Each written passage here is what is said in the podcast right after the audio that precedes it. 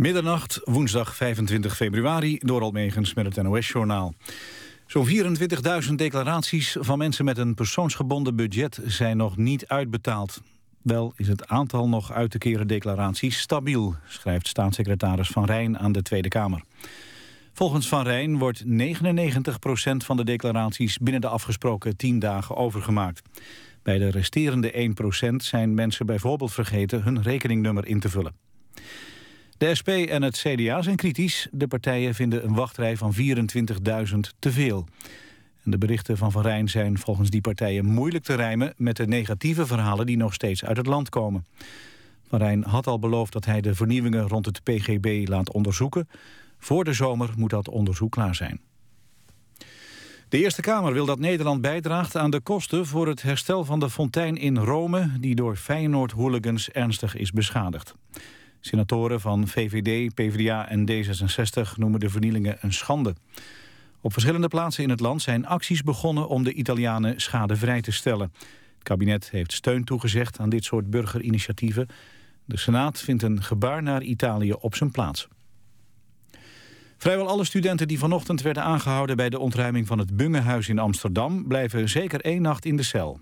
Van de 47 studenten die zijn opgepakt zijn er drie vrijgelaten. De politie zegt dat zij zich als enige hebben gelegitimeerd. De studenten hoorden bij de groep die het Bungehuis anderhalve week bezet hield. In de Champions League heeft Barcelona in Engeland met 2-1 van Manchester City gewonnen. De eerste helft bracht Luis Suarez Barcelona met twee doelpunten op voorsprong. Na de rust scoorde Sergio Aguero de enige tegentreffer. In de laatste minuut miste Messi een penalty voor Barcelona. In de andere achtste finale wedstrijd won Juventus het eerste duel tegen Borussia Dortmund met 2-1. Het weer nog, hier en daar een bui, maar ook opklaringen. Later vannacht opnieuw regen. Komende ochtend bewolkt en buien met mogelijk natte sneeuw. In de middag droog en geregeld zon. Dan wordt het zo'n 7 graden. Dit was het NOS Journaal. NPO Radio 1.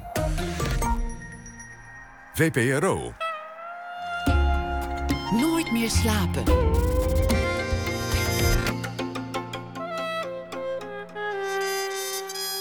Met Pieter van der Wielen. Goedenacht en welkom bij Nooit meer slapen. De opmerkelijke geschiedenis van een mummie in Drenthe... die ineens in het nieuws kwam zonder dat iemand wist... wat er nou precies nieuw aan was, dat na ene. Een verhaal van Robert Weelage die de dag zal uitzwaaien... met een fictief verhaal. En het stuk Porgy en Bess bestaat 80 jaar.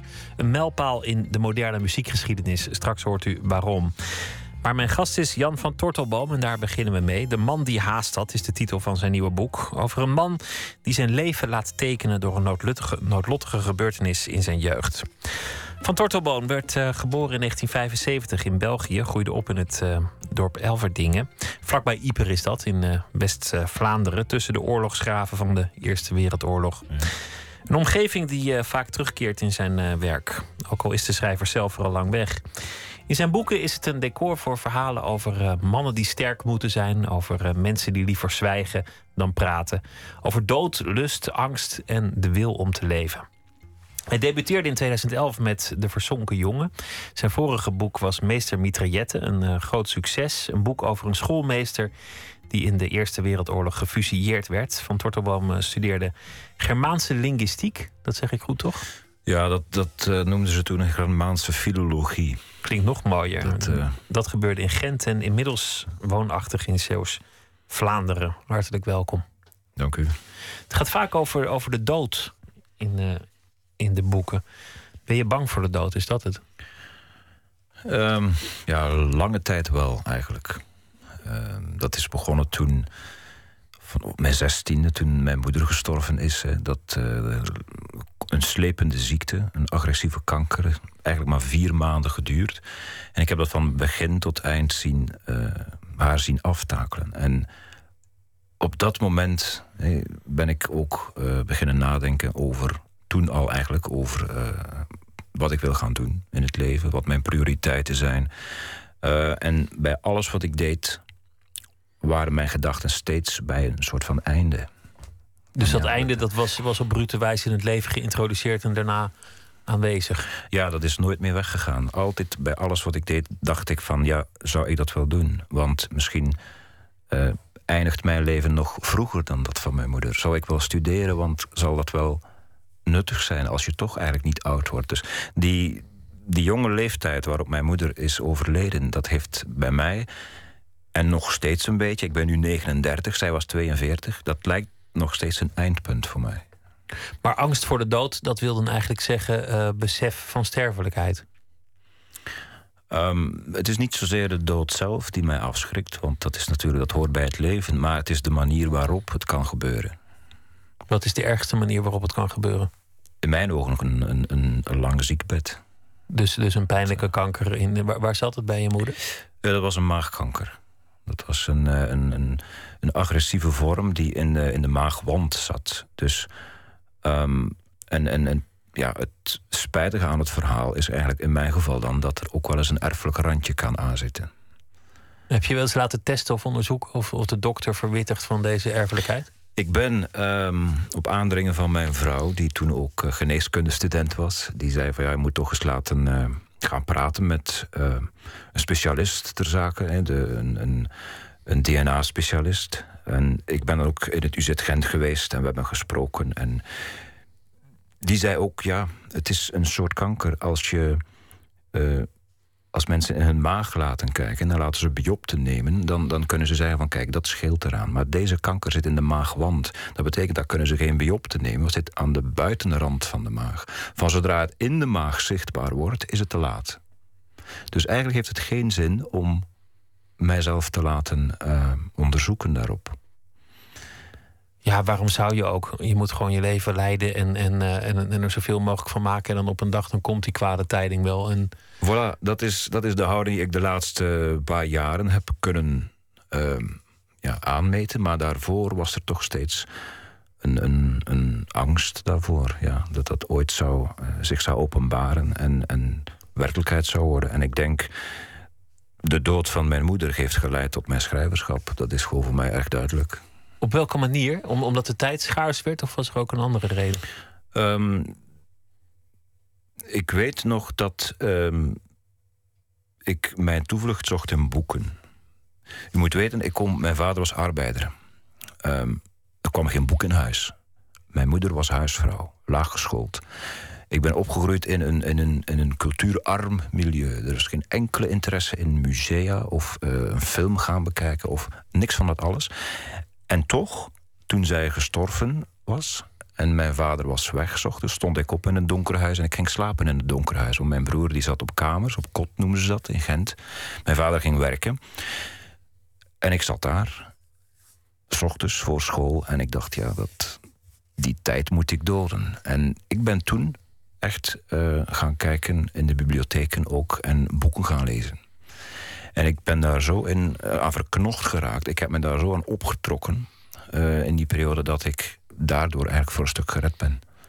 Want je moeder is net dood. Dat, is, uh, nou ja, en je bent al jong en dan, dan de hormonen gieren door je lijf. En je moet net alles een beetje uitvinden en dan is die, die moeder verdwenen. Waarom zocht je dan je toevlucht tot lezen? Waarom gaf dat zo'n troost?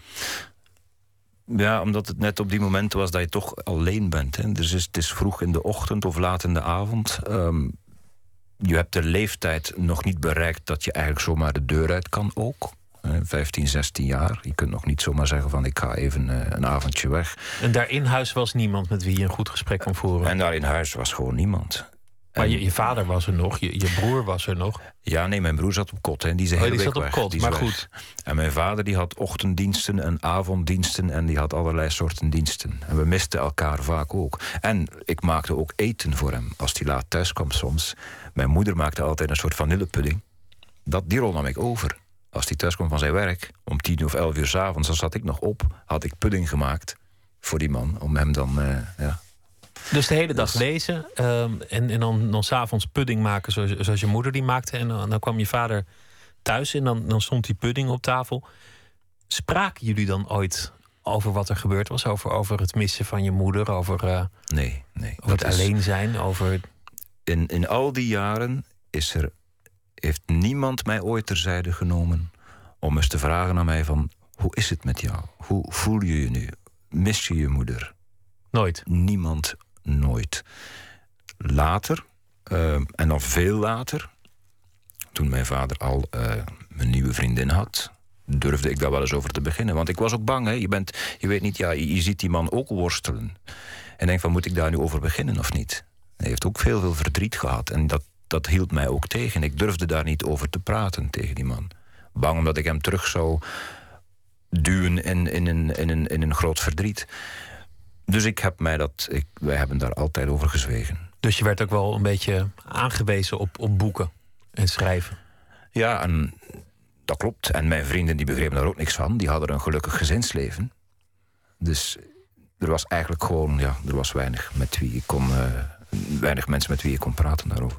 Is dat iets, um, uh, je moet niet een hele, een hele streek in de band doen, want je hebt daar natuurlijk ook mensen die prachtig over hun gevoelens praten en die van ochtends vroeg tot avonds laat in, in de meest intieme therapieën zitten. Maar is het in de regel iets West-Vlaams om niet over gevoelens te praten?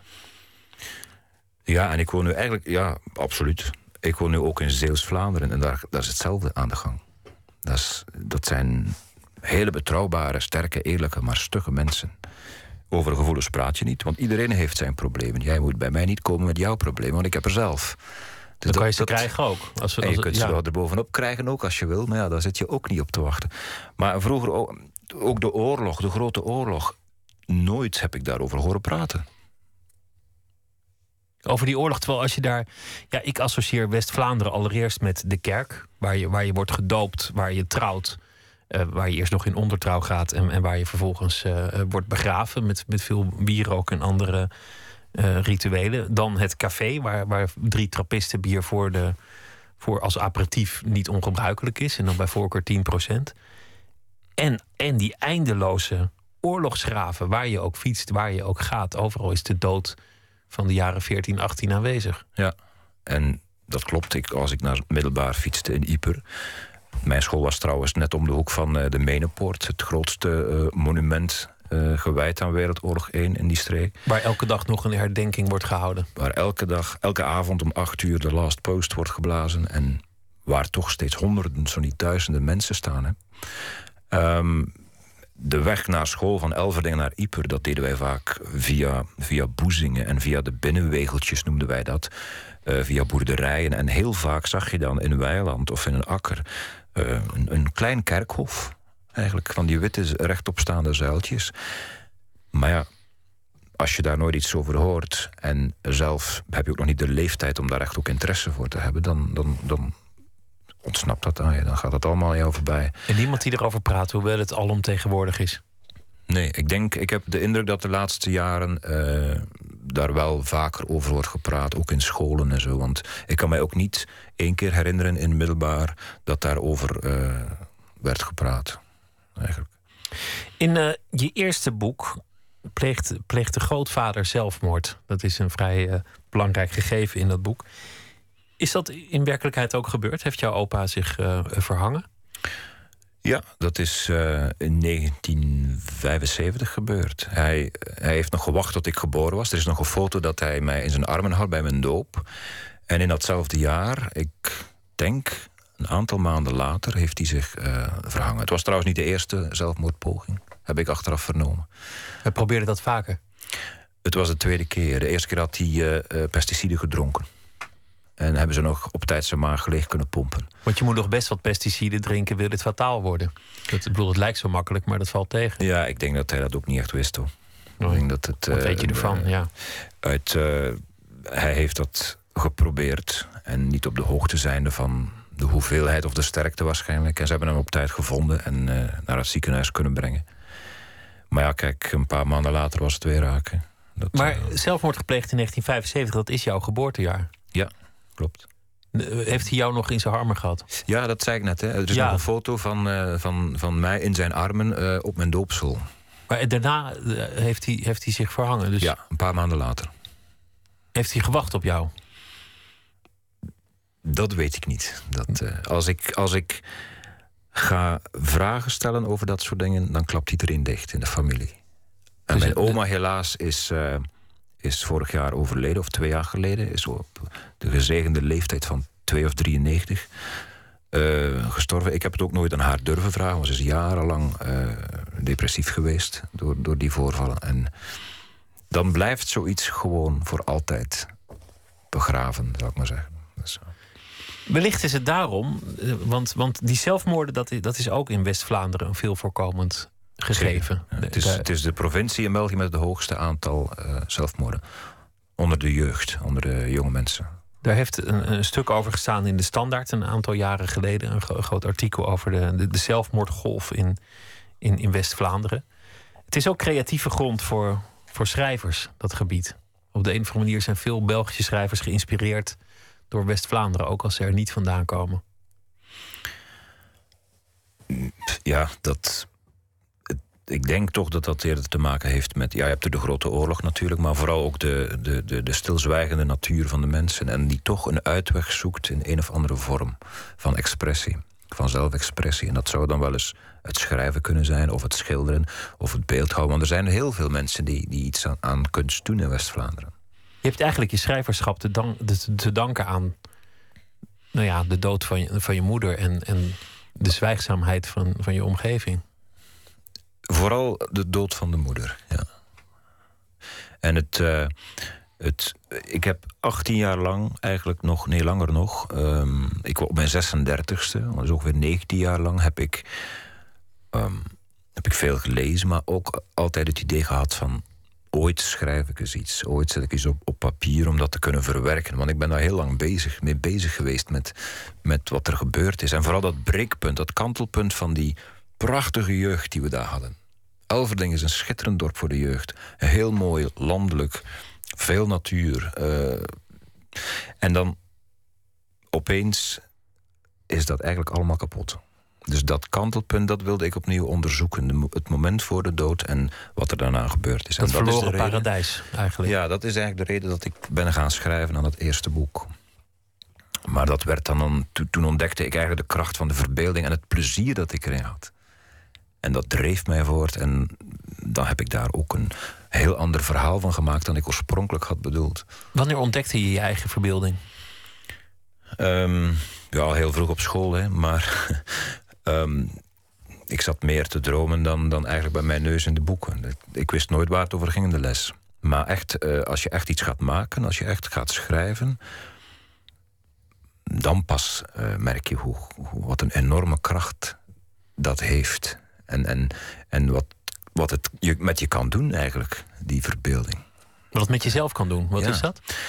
Het, maar het, het gevoel dat het je geeft als je iets maakt dat puur van jezelf is, dat is beter dan alles wat je je kunt voorstellen. Ja, dat ligt misschien aan mij. Dat is dan mijn, mijn, mijn obsessie voor het maken van iets moois met woorden. Misschien moeilijk te verwoorden ook, denk ik. Maar wat mij betreft, het maken van het schrijven van een mooie tekst geeft mij het grootste plezier dat er bestaat. Je woont tegenwoordig eh, in Zeeuws-Vlaanderen. Uh, iets noordelijker heb je dan weer Zuid-Beverland. En daar komt een uh, band vandaan uit Zeeland, Raccoon. Goes komen ze vandaan. Nieuw album uit, All in Good Time. En we gaan er een nummer van draaien, Spit Your Heart Out.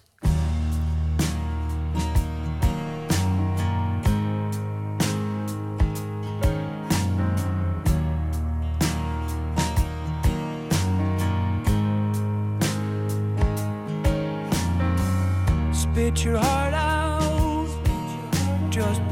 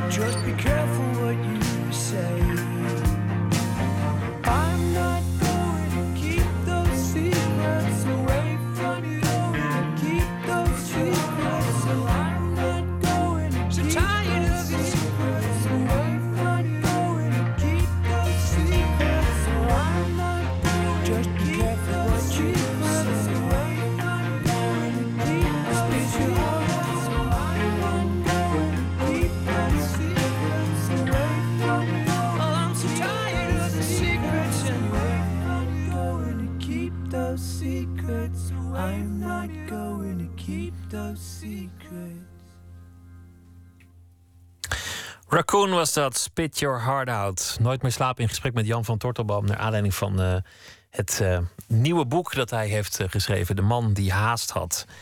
Ehm, zelf ook een man die haast had. Want een beetje afscheid genomen ook van, van de hypochondrie... waar het gaat om, om de ziekte en je laten testen. Maar toch ergens dat gevoel, ik moet opschieten. Het kan, Ja, ja dat, dat gaat er nooit meer uit. het kan, kan mij voorbij gaan.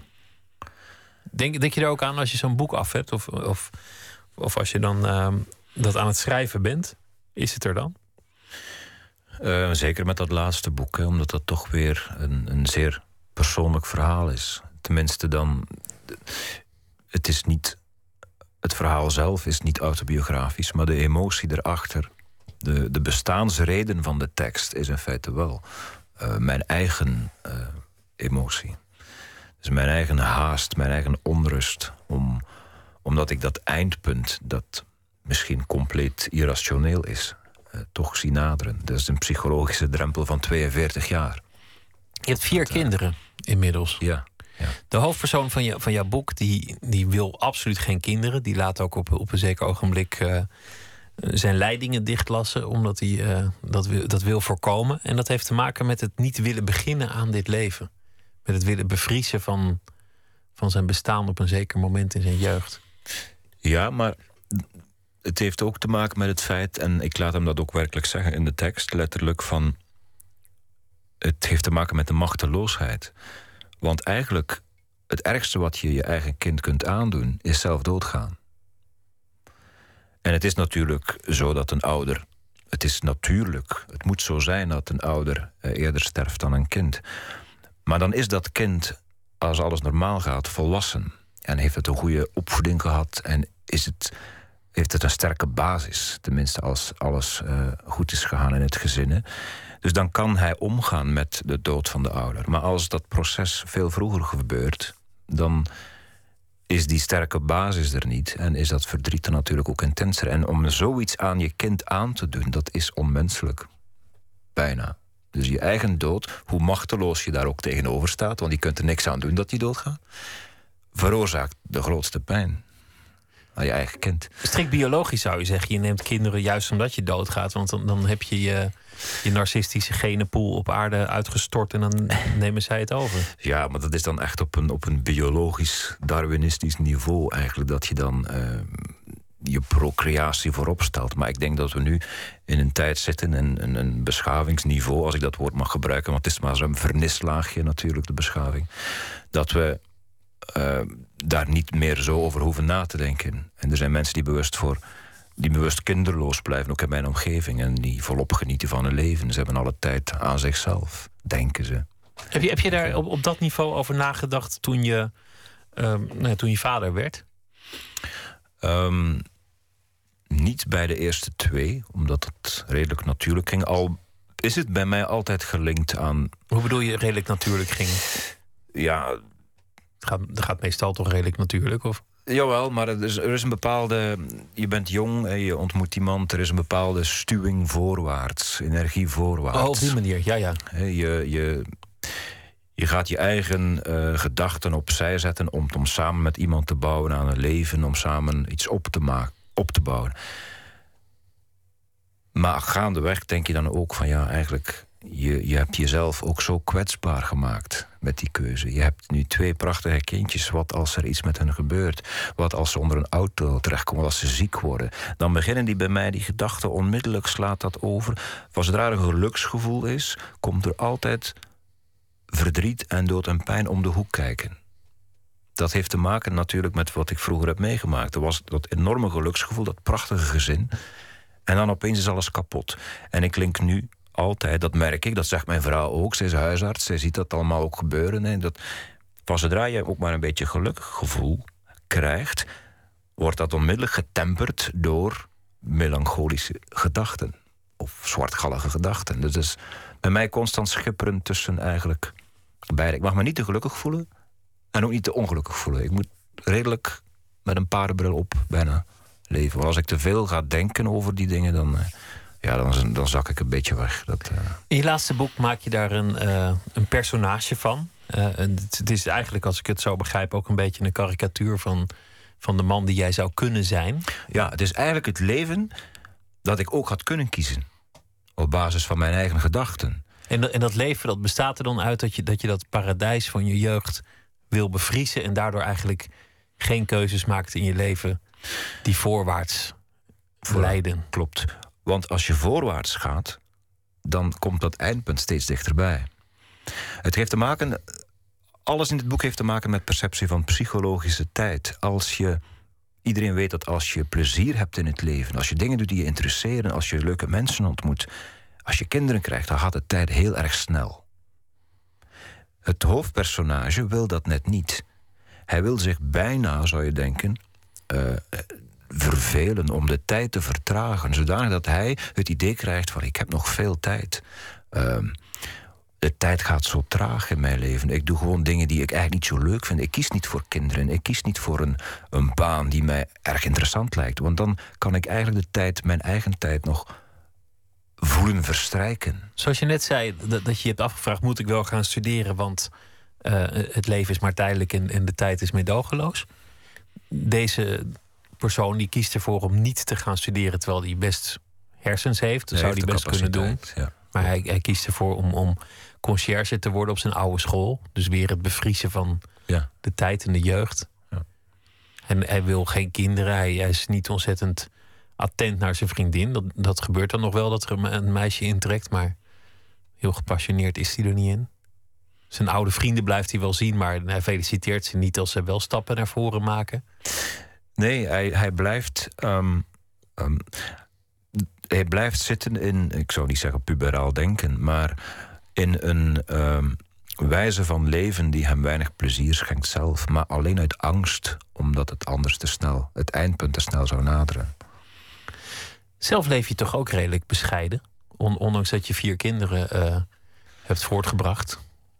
Het is te zien hoe dat je, wat je bedoelt met bescheiden. Nou ja, vier, vier kinderen voort, voortbrengen zou je eh, vanuit je eigen redenering onbescheiden kunnen noemen. Om- omdat je daarmee al die angst over je heen laat en al die verantwoordelijkheid. En wat, wat doe je die kinderen wel niet aan potentieel? Dus dat, Ja, uiteindelijk heb ik gekozen voor het leven. Voor het volle leven. Voor het volle leven. En niet zoals eh, Leon voor, voor het halve leven of het, het- de dood in het leven bijna. Dus ik heb echt voluit gekozen voor het leven. Met alles wat daarbij hoort. Met alle angsten die daarbij horen. En ehm, ja, je kunt ook niet anders. Hè. Tenminste, Maar ja, wat dan voluit leven is, daar, daar kan je ook nog. Ik bedoel, dat moet iedereen voor zichzelf bepalen, natuurlijk. Wat, wat je onder voluit leven bestaat. Maar, maar in, in het specifieke geval is het schrijven, kinderen opvoeden, eh, aardig voor je vrouw zijn. En dat is het voor mij. ja, Ja, ik ben, dat, ik dat is ben toch verder relatief een- bescheiden. Ja, ik ben een compleet ambitieloos persoon. Ik Ja, heb echt op, waar? Ja, ik heb op mijn 16 al vroeg gezegd... ehm, niet alles heeft betekenis. Niet alles hoeft betekenis te hebben. Ik wil de tijd die mij rest hier op deze aardkloot... of deze aardbol, wil ik zelf beslissen wat ik doe. Ehm, ik heb nooit eh, behoefte gehad om... ik zeg maar manager, te worden van een bedrijf... of zelfs een eigen bedrijfje te hebben. Ik heb gezegd, ik vind boeken leuk ik ga iets met boeken doen. Ehm, ik, heb toen, ik heb toen mijn vrouw ontmoet. Ik zeg, we gaan goed zijn voor elkaar. We gaan, eh, ik ga meebouwen aan jouw droom. En haar droom was dan ook eigenlijk een soort van kinderboerderijtje eh, maken. Veel kinderen, beestjes ook. Allemaal dingen die mij pasten. Maar verder gaat mijn wereld eigenlijk niet.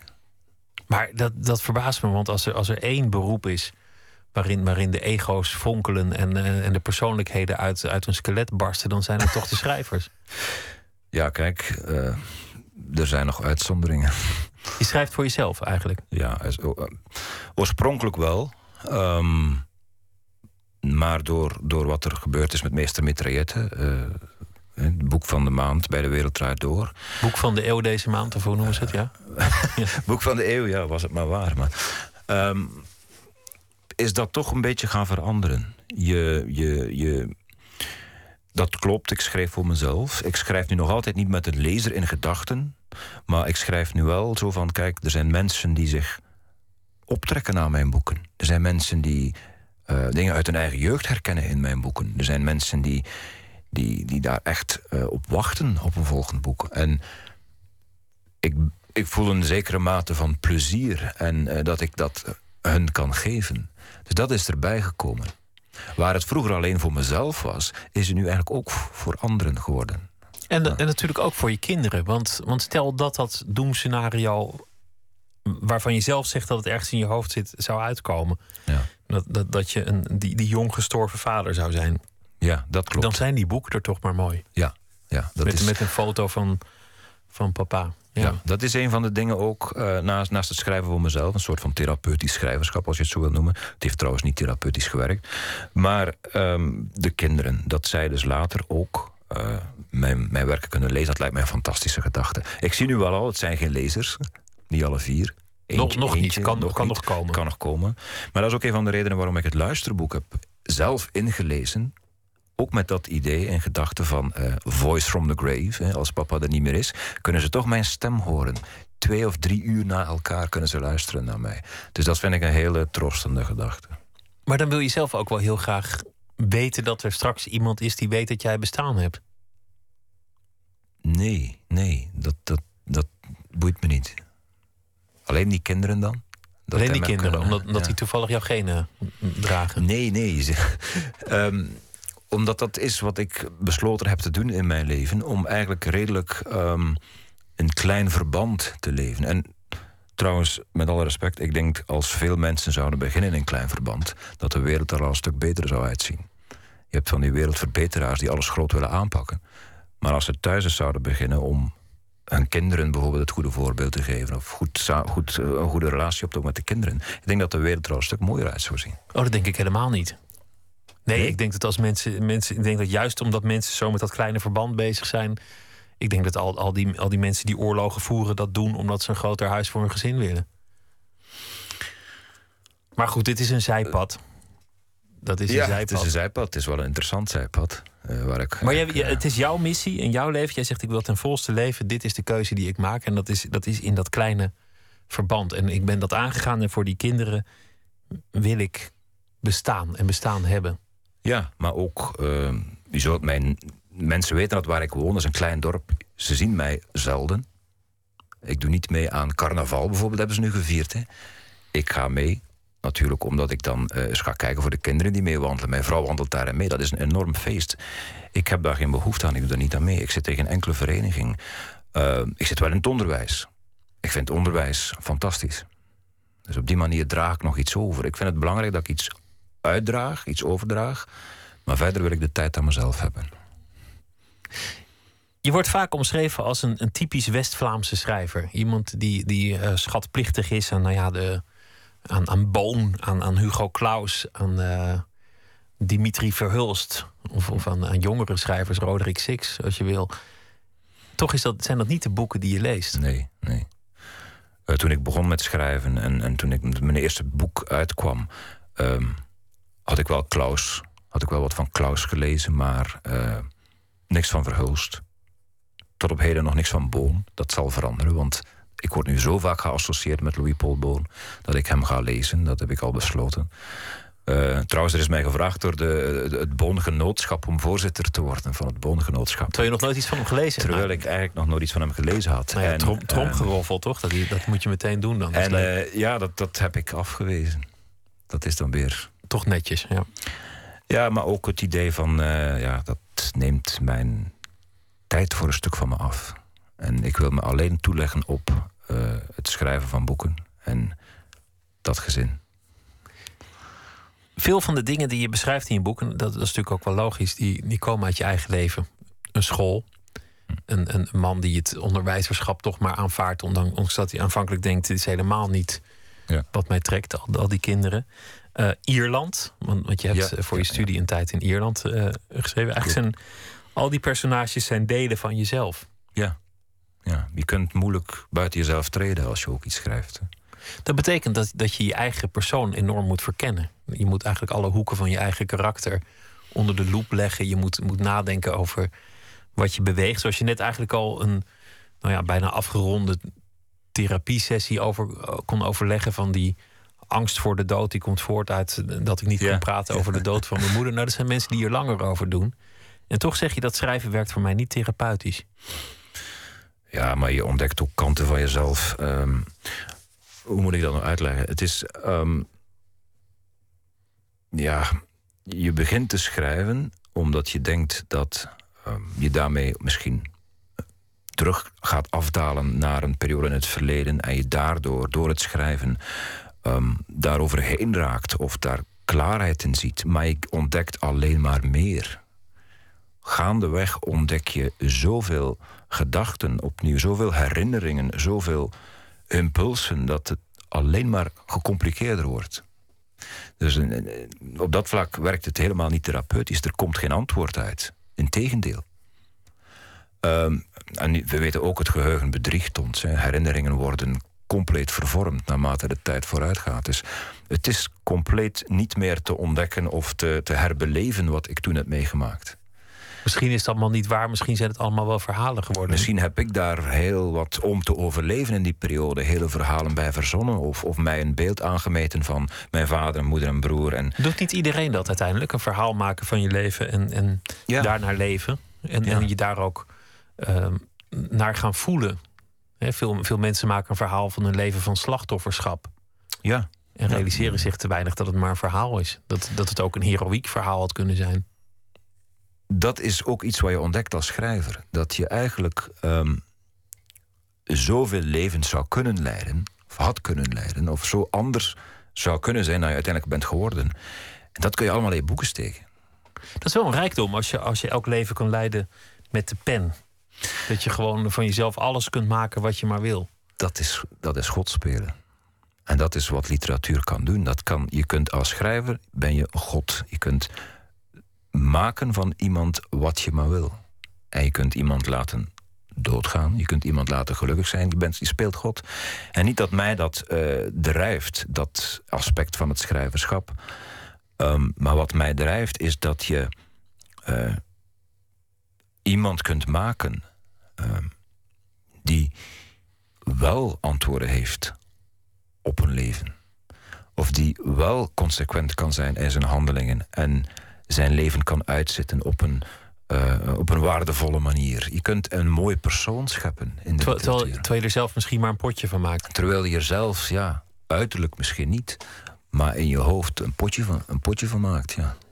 De dood komt vaak terug, maar, maar een van de contrasten die dan steeds gebeurt is dat ehm, nou ja, iemand staat op het punt om, om, om doodgeschoten te worden, maar die, eh, die zegt dan tegen het vuurpeloton mik goed en, die, en zijn gedachten dwalen af naar een vogeltje in het, in het weiland. Of, of de, de, de moeder die, die wordt begraven en een eindje verderop op het voetbalveld staan, staan hooligans. Klopt, dat is zingen. werkelijk gebeurd, ja. Was dat echt zo? Bij Dat je moeders zo. begrafenis? Ja, ja. Er had iemand gewonnen. Ik, eh, ze hadden wel gescoord volgens mij, want er was iets gebeurd. Maar Dus, dus die kist die gaat de grond in en er wordt gejuicht. ja, Dat is toch mooi eigenlijk? Dat is een mooi beeld. ja kan me als je de je- woorden die erbij werden eh, uitgeroepen wegdenkt, zou dat wel een mooi beeld kunnen zijn. Maar er Oh, werd er er- werd gevloekt. ja, er werd er gescholden en gevloekt. En, en eh, ik, ben, ik ben vaak, door, door dat succes van Meester Materieel, ben ik vaak in Nederland gaan praten met... En had ik een PowerPoint mee met beeldmateriaal van Elverdingen.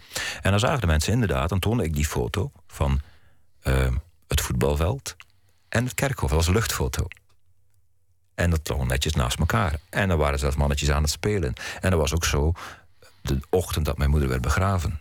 Die kist gaat in de grond en opeens een explosie van vloeken en scheldwoorden en gejuich. En ik weet niet meer allemaal wat, maar dat was tegelijkertijd. Dat is mij altijd bijgebleven. En dan intussen zo'n zo'n jongetje die toch een jaar 16 die ook nadenkt over goh, ja, wat gebeurt er met dat lichaam en het is daar nu donker en, en Ja. worden die tepels wel of niet aangefroten? Dat wordt, het wordt vrij helder uitgedacht.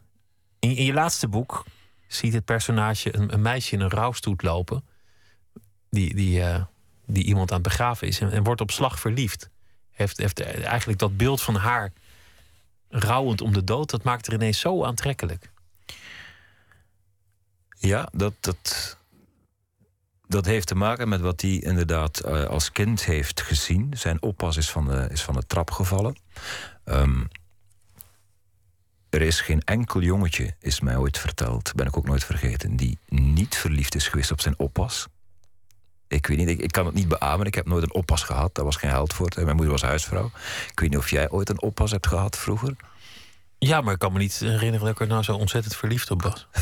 Want het is te zien welke leeftijd natuurlijk. Maar ze zeggen toch dat een, een, een jongetje, en als die oppas er vaak is natuurlijk... en een beetje een goede band heeft... dat die gevoelens voor de vrouw begint te krijgen. Die natuurlijk heel puur zijn als kind... maar die ook wel tegen het erotische aan kunnen leunen. En eh, bij Leon is het zo, hij had dat. Hij was verliefd, hij vond haar heel mooi. Ze was goed voor hem. Er zat veel aandacht voor hem.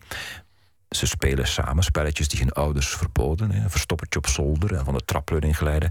Maar zij valt. En hij, het moment dat hij dus haar ziet liggen op de grond... is een moment dat alles in hem al bevriest.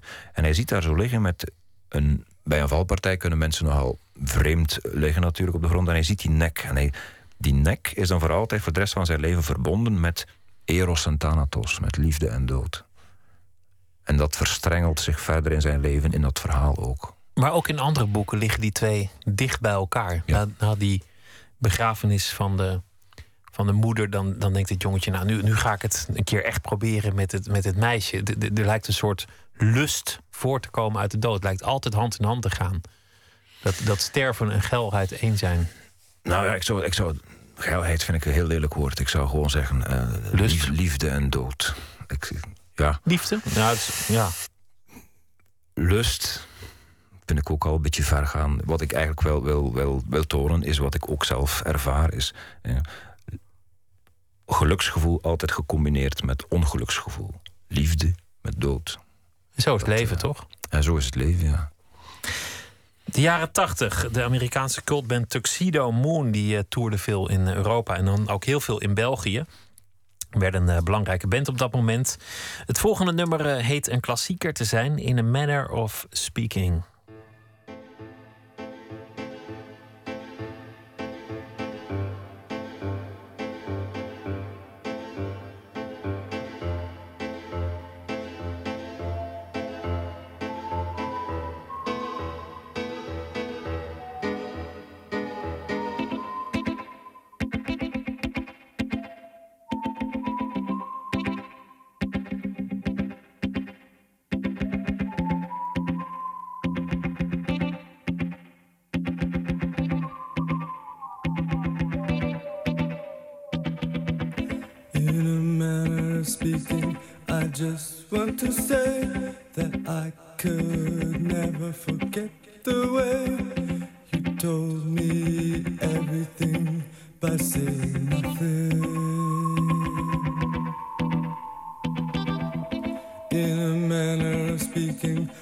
Don't understand how love in silence becomes reprimand. But the way that I feel about you is beyond words.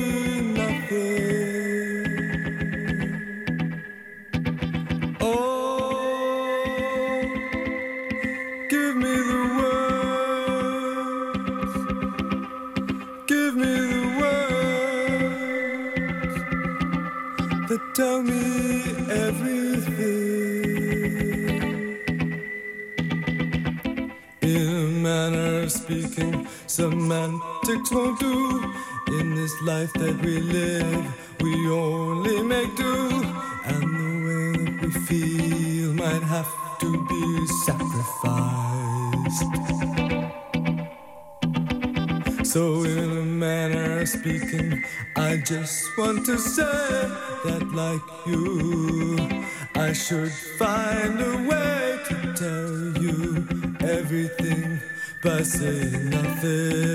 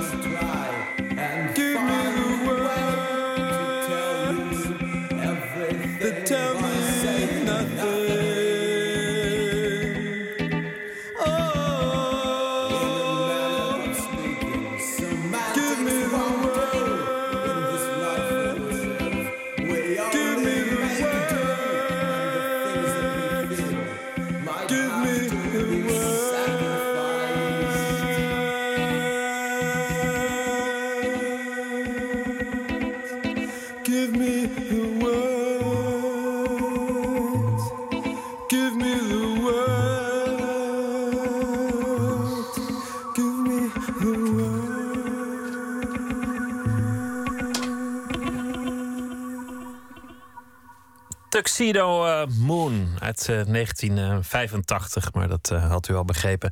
In a Manner of Speaking. Jan van Tortelboom zit tegenover mij. Eh, hij is eh, schrijver, afkomstig uit eh, West-Vlaanderen, inmiddels woonachtig in Zeeuws-Vlaanderen. We hebben het eh, meteen eh, begonnen we eigenlijk al over de dood van je moeder. 16 jaar was je, zat een agressieve vorm van kanker, een paar maanden ziek geweest. En ineens was ze weg. En bij jou had het een enorm gevolg in je leven, omdat die, die sterfelijkheid er altijd was. En in, in, ineens dacht je, alles wat ik zal doen, dat staat op de een of andere manier in het teken van die sterfelijkheid, van die tijd, waarvan ik nu weet dat die beperkt is. Ja. Thuis werd er niet over gepraat. Je maakte wel pudding voor je vader. Je broer die was op kot, op kamers. En eh, verder werd er niet over gesproken. Niemand die ooit een hand op je schouder legde en zei: Hoe gaat het nou met je? of wat dan ook. Maar het heeft je iets opgeleverd. Want je zocht je troost in de literatuur en je ging ook schrijven om toch verhalen te gaan eh, vertellen. En in die verhalen gaat het ook heel vaak over de dood, maar ook over dat gebied. Dat, dat merkwaardige West-Vlaanderen waar mensen niet praten. Ja. Waar het zelfmoordcijfer heel hoog is. Je opa die pleegde zelfmoord. Ja. Er waren anderen die, die zelfmoord pleegden. En, Dat is die, heel mooi samengevat allemaal. en de Eerste Wereldoorlog die daar overal was met eh, al die graven. Maar niemand die ooit uitlegde wat er nou precies was gebeurd in die geschiedenis. En toen zei je van ja, ik, ik leef eigenlijk simpel. Ik weet waar het om gaat in mijn leven. Ik wil schrijven. En ik heb dan ook een publiek. Dat is, dat is je eigenlijk cadeau gedaan. Maar ik leef toch als ik echt moet kiezen voor mijn gezin, voor mijn kinderen. En mijn nalatenschap die zal altijd zijn in de ogen van die kinderen. Ja, heel mooi. En dat, dat vind, ik, vind ik eigenlijk verwonderlijk. Zo goed weten waar je voor leeft en, en zo'n zo'n gezinsideaal. Dat bedoel ik niet veroordelend, maar ik, ik, ik zit er een beetje over na te denken van... goh, ja, wat, wat is dat dan eigenlijk? Wat is daar zo vreemd aan eigenlijk? Nee, nee, ik weet niet of het vreemd is, maar ik, ik, ik, ik vraag me gewoon af... wat is dat eigenlijk, een gezinsideaal? Wat, wat, eh, wat is daar ide- de aantrekkingskracht eigenlijk van? Het ideaal is natuurlijk dat je, dat je... Je hebt ten eerste gekozen voor die kinderen. Dat je ze dan ook een goede thuis geeft. En dat je ze sterk genoeg maakt... zodanig dat ze later eigenlijk niet hetzelfde hoeven mee te maken wat jij hebt meegemaakt. Helaas draai je daar natuurlijk, heb je daar ook een grote rol in. Dus, dus, dus eigenlijk dat verloren paradijs waar je het over had... van mijn jeugd was, was een paradijs tot mijn moeder stierf. Ja. Nu wil je dat paradijs alsnog creëren voor je kinderen. Het liefst zo lang mogelijk. Maar ja, dan betekent ook dat ik zo lang mogelijk moet meedraaien. En daar gaat het boek om. Het is de machteloosheid.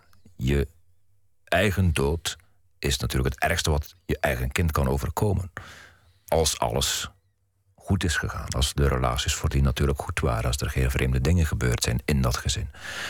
Ehm, maar ik vind het belangrijkste dat je die kinderen gewoon kunt laten opgroeien tot stabiele mensen. Natuurlijk, ik weet ook wel, je hebt het niet voor het zeggen. Nee, je hebt het niet voor het zeggen. Maar eh, goed, het, het is ook wel, ook wel een overzichtelijk levensideaal. Ja, en een ideaal dat meer mensen zouden moeten aanhangen, vind ik. Het gezinsideaal. Daar hadden we het net over, hè? ja. Ja, ik, ja ik, ik zit nog steeds na te denken wat het is en, en, en hoe dat dan werkt. En, ik bedoel, ik denk als iedereen het gezinsideaal zou, zou aanhangen, hè, dan ja, oké. Het gaat om de zelfopoffering eigenlijk. Hè? Maar, maar en dat kunnen, mensen, ook. dat, dat kunnen mensen nog weinig de dag van vandaag. Maar als iedereen zichzelf zou opofferen aan een mooi gezin, hoe, hoe weinig mooie symfonieën zouden er geschreven worden? Hoe, hoe weinig zouden we voor een goede film naar de bioscoop kunnen? En, en, en hoe weinig grote rocksterren zouden nog op tournee gaan? Dat is waar, want dat zijn natuurlijk. Al, je hebt het allemaal over kunst die. Nou ja, en wetenschappers en politici en weet ik veel. Ik bedoel, er zijn is zoveel eh, manieren waarop je jezelf kunt ontplooien, toch? Het is wel zo dat de beste kunst gemaakt wordt door gekwetste zielen. Zeker, die moeten we hebben. Dat klopt, maar dat betekent niet dat je natuurlijk opzettelijk je, je, je kinderen moet gaan kwetsen om mooie kunst te creëren. Nee, nee, nee, dat ik misschien raken niet. we een beetje te ver van het spoor van eh, de boeken af. Maar, Nou, maar d- oké. Ik, ik vind het interessant omdat ik wil weten... Wat, wat drijft deze man? Wie zit er eigenlijk tegenover mij? Wat, wat, wat houdt deze man... eh, nou ja, waar komt hij ochtends zijn bed voor uit? En wanneer legt hij zijn hoofd tevreden te rusten? En dat is, is buitengewoon overzichtelijk. Ja, op dit moment is het heel erg overzichtelijk. Ik heb ook een jaar eh, mijn baan stopgezet. Om, speciaal om dit boek te schrijven. Om eh, ook veel thuis te zijn, want de vrouw heeft een drukke baan. Dus ik ben er veel voor die kinderen. Ik haal ze op van school, ik breng ze naar school. En in de tussentijd schrijf ik, hou ik mij bezig met literatuur en met romans. En dat is het perfecte leven. Heb je dan ook genoeg om uit te putten? Want je, je had het over je fantasie. Ik ben God, ik kan alles maken wat ik wil. Maar tegelijk, ja, je, je zit achter je bureau. Je, je fietst naar, je- naar je baan. En die heb je dan nu even een jaar stopgezet. En je brengt je kinderen naar school. Writersblok bestaat niet. Nee? Nee, in mijn ogen bestaat dat niet. Als ik al naar jou kijk, kan ik al een boek schrijven. Er is zoveel als je om je heen kijkt om over te schrijven. Maar het is de kracht van de verbeelding die daar dan iets mee moet doen. Ja, maar als je naar mij kijkt en een boek schrijft, dat verkoopt niet. Denk en het, ik. ja, maar ja, boeken verkopen sowieso niet zo heel goed Nee, waar. Ja. Maar het, het gaat erom dat je eigenlijk die, die verbeelding. En, en het verbaast mij steeds meer als ik ook lezingen geef. Hoe zeldzaam die kwaliteit is bij mensen. Verbeelding. Heel veel mensen nemen de zaken te letterlijk. Kijk maar naar wat er gebeurt in de wereld. Door het letterlijk nemen van teksten, van woorden, ontstaat de grootste ellende. Heel veel mensen ontbreekt de kracht van de verbeelding. En dat vind ik schandalig. Maar ze kunnen er ook niks aan doen. Dat, is, eh, dat is mooi gezegd. Ik zei al dat je zelf de, de Ierse literatuur eigenlijk... eh, dat, dat heeft jou aan het, Ja, dat aan het zijn, lezen gezet, hè? dat zijn de, beste, de beste schrijvers in mijn ogen, de Russen ook. Maar de Ieren, die hebben natuurlijk 700 jaar onderdrukking gekend van de Britten. Dat is, als je de geschiedenis leest, dat is verschrikkelijk geweest. Zij hebben zich kunnen staande houden door een orale traditie. Door het vertellen van verhalen naar elkaar toe. En later is dat zich gaan uitkristalliseren in, in, de, in de romankunst. En dat is die combinatie van humor en tragiek. Fantastische literatuur.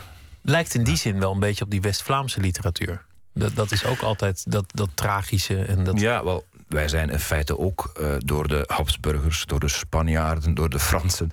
We zijn ook onder de voet gelopen door eh, de Nederlanden. Dus ja, dat, eh, misschien dat het daar ook iets mee te maken heeft. Ja. Ieper, hè? Want heel even kwam het langs. Dat lag in de buurt van, van waar jij opgroeide.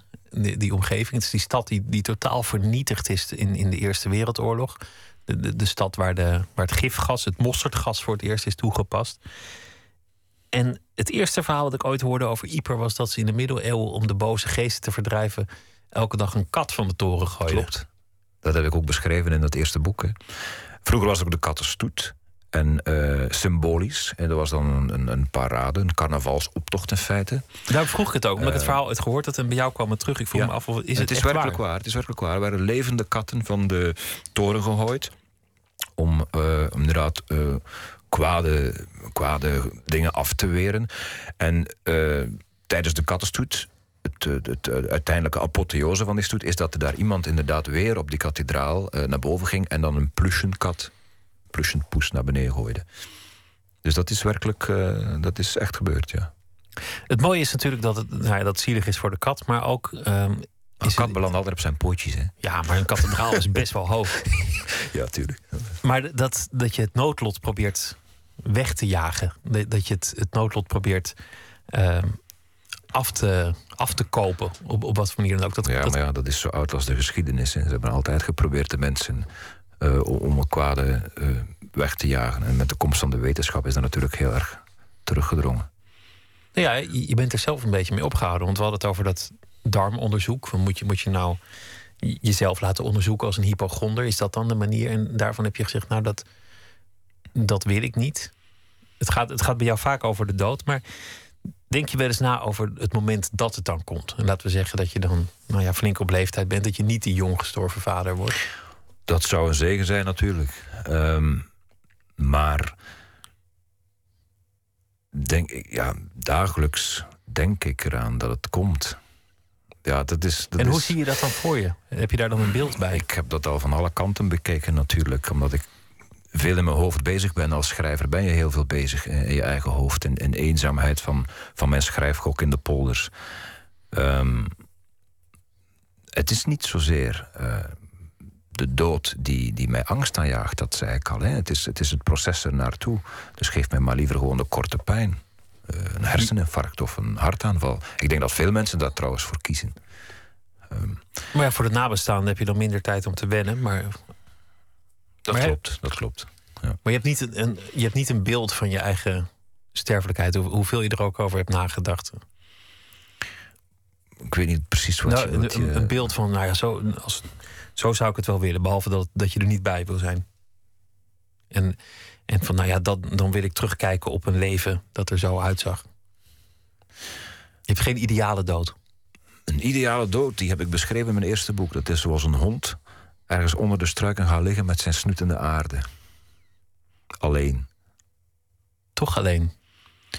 Ja, gewoon net als een, een dier dat zijn einde voelt naderen... die gaat zich vaak afzonderen. En die gaat dan op zijn gemakje eigenlijk... eh, Met de, met de geur van de natuur in zijn snuit, zal ik maar zeggen, als het een hond is, gaat hij dan heen.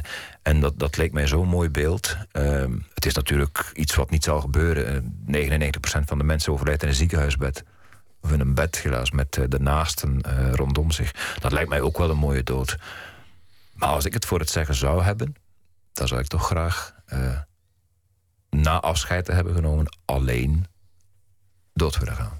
Afscheid nemen en dan zeggen, jongens, nu, nu even eh, opdonderen, want nu ga ik... eh, Ja, als het zo moet, dan. eh, Dank dat je te gast wilde zijn en eh, heel veel succes met alles wat je nog gaat doen en met het, met het schrijven vooral, Jan van Tortelbaum. En ik noem nog even de titel van het boek: De man die haast had. Over een man die de gebeurtenissen van zijn jeugd een rol laat spelen in de rest van, van het leven. Dankjewel. dankjewel dat ik hier mocht zijn. Zometeen gaan we het hebben over een eh mummie in Drenthe die ineens eh, wereldnieuws werd. En Robert Weelage die eh, schrijft een verhaal, of die, dat heeft hij al geschreven, dat draagt hij zo voor over de afgelopen dag. We gaan het ook hebben over de taal, de sturende kracht van taal. En dan over het hedendaags Nederlands zal dat gaan. En we gaan het ook hebben over Porgy and Bess, een muziekstuk dat enorm belangrijk is gebleven, gebleken voor de 20e eeuwse muziekgeschiedenis, uitgevoerd door eh, vele grootheden. Waaronder ook eh Miles bijvoorbeeld. Twitter, het VPRO NMS of via de mail nooit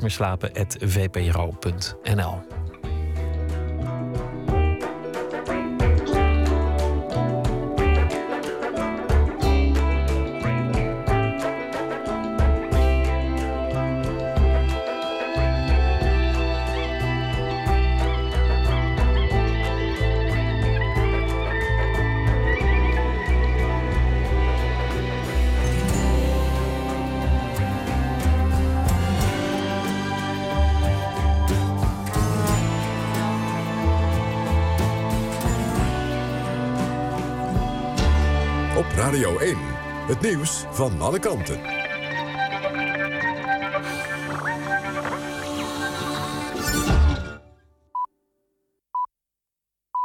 1 uur door Almegens met het NOS-journaal. Zo'n 24.000 declaraties van mensen met een persoonsgebonden budget zijn nog niet uitbetaald. Wel is het aantal nog uit te keren declaraties stabiel, schrijft staatssecretaris Van Rijn aan de Tweede Kamer. Volgens Van Rijn wordt 99% van de declaraties binnen de afgesproken 10 dagen overgemaakt. Bij de resterende 1% zijn mensen bijvoorbeeld vergeten hun rekeningnummer in te vullen. De SP en het CDA zijn kritisch. Die partijen vinden een wachtrij van 24.000 te veel. En de berichten van Van Rijn zijn volgens die partijen moeilijk te rijmen... met de negatieve verhalen die nog steeds uit het land komen. Van had al beloofd dat hij de vernieuwingen rond het PGB laat onderzoeken. Voor de zomer moet dat onderzoek klaar zijn. Amnesty International vindt dat de vijf permanente leden van de Veiligheidsraad... hun vetorecht moeten opgeven als er moet worden gestemd over genocide en andere ernstige wreedheden. Dat geeft de Raad meer armslag om burgers te beschermen, staat in het jaarboek 2015 van Amnesty. De organisatie vindt dat de Veiligheidsraad gefaald heeft in Syrië, Irak, Oekraïne, Israël en de Gazastrook. In het verslag blikt Amnesty zowel terug als vooruit. Gevreesd wordt voor meer wereldwijd geweld en grotere vluchtelingenstromen.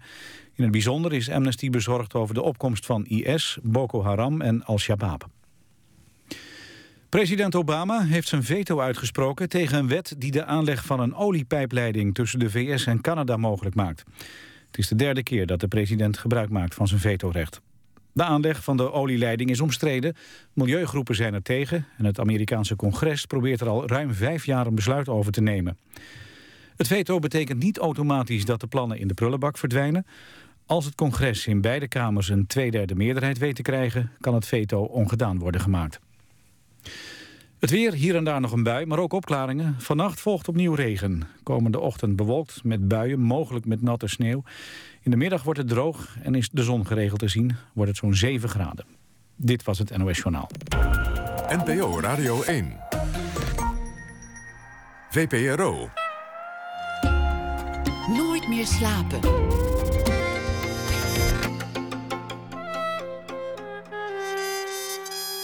Met Pieter van der Wielen. U luistert naar Nooit meer slapen. Robert Weelage is schrijver. Deze week zal hij elke dag een eh, verhaal voor ons maken over de afgelopen dag. Een fictief verhaal bij de dag die eh, voorbij is gegaan.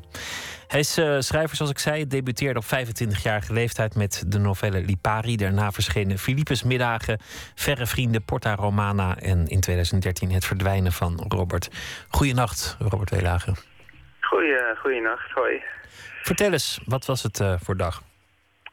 Nou, eh, ik kon kiezen uit een lange lijst met eh, onderwerpen. Er gebeurde weer heel veel. Eh, Griekenland, hè, de hervormingen die ze gaan doorvoeren.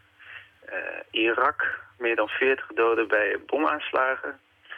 Tsjechië, 8 doden bij de schietpartij in het restaurant. En in, in Amsterdam het onruim hè, van het universiteitsgebouw Binnenhuis. Utrecht, echt, de, lijst was eindeloos. Ja, een, een nieuwsrijke dag. Met, eh, met veel ellende. Heb je ook nog iets ertussen ontdekt waarvan je dacht van... god, dit heeft mij vandaag enorm blij gemaakt. Wat een, wat een enorm goed nieuws is dat nou toch? Even kijken hoor. Eh, goed nieuws. Nou, ik zag, ik, ja, de kleine berichtjes vind ik vaak, eh, zijn vaak de positieve. Bijvoorbeeld dat er minder zout in brood zit. Ja, dat vond ik een, een leuk detail. Eh, ik geloof dat er 10% of 15% meer, minder zout in brood zit. En dat deed me een beetje denken aan, aan Florence, waar ik ooit een maand woonde. Eh, in 2008 geloof ik, omdat ik daar een boek eh, schreef. En daar verkopen ze brood zonder zout. En toen ik dat voor het eerst at, dacht ik, hmm, wat, wat, wat is dit nou? Maar dat schijnt een, een historische verklaring te hebben. Dat er ooit, lang geleden was er een oorlog met een andere stad die de zoutaanvoer deed. En toen dacht, eh, de, dachten de Florentijnen, nou dan stoppen we gewoon met zout in het eten doen. En dat is geloof ik gebleven. Het eh, zouteloze brood. En heel, heel gezond natuurlijk, hè? min- Minder, eh, minder zout. Maar je moest toen kiezen voor, om, Ja. om iets tot een verhaal te verheffen. Wat is het geworden? Nou, ik heb eigenlijk niet voor één specifiek onderwerp gekozen vandaag, maar meer voor een, voor een nieuws in het algemeen. Een soort meta-stukje is het vandaag geworden. Ik ben benieuwd. Ga je gang. Ja. Nadat ik de dagelijkse dosis ellende van het nieuws heb doorgenomen, moet ik denken aan de 17e-eeuwse Franse filosoof Pascal. Het ongeluk van de mens komt maar uit één ding voort, beweerde hij.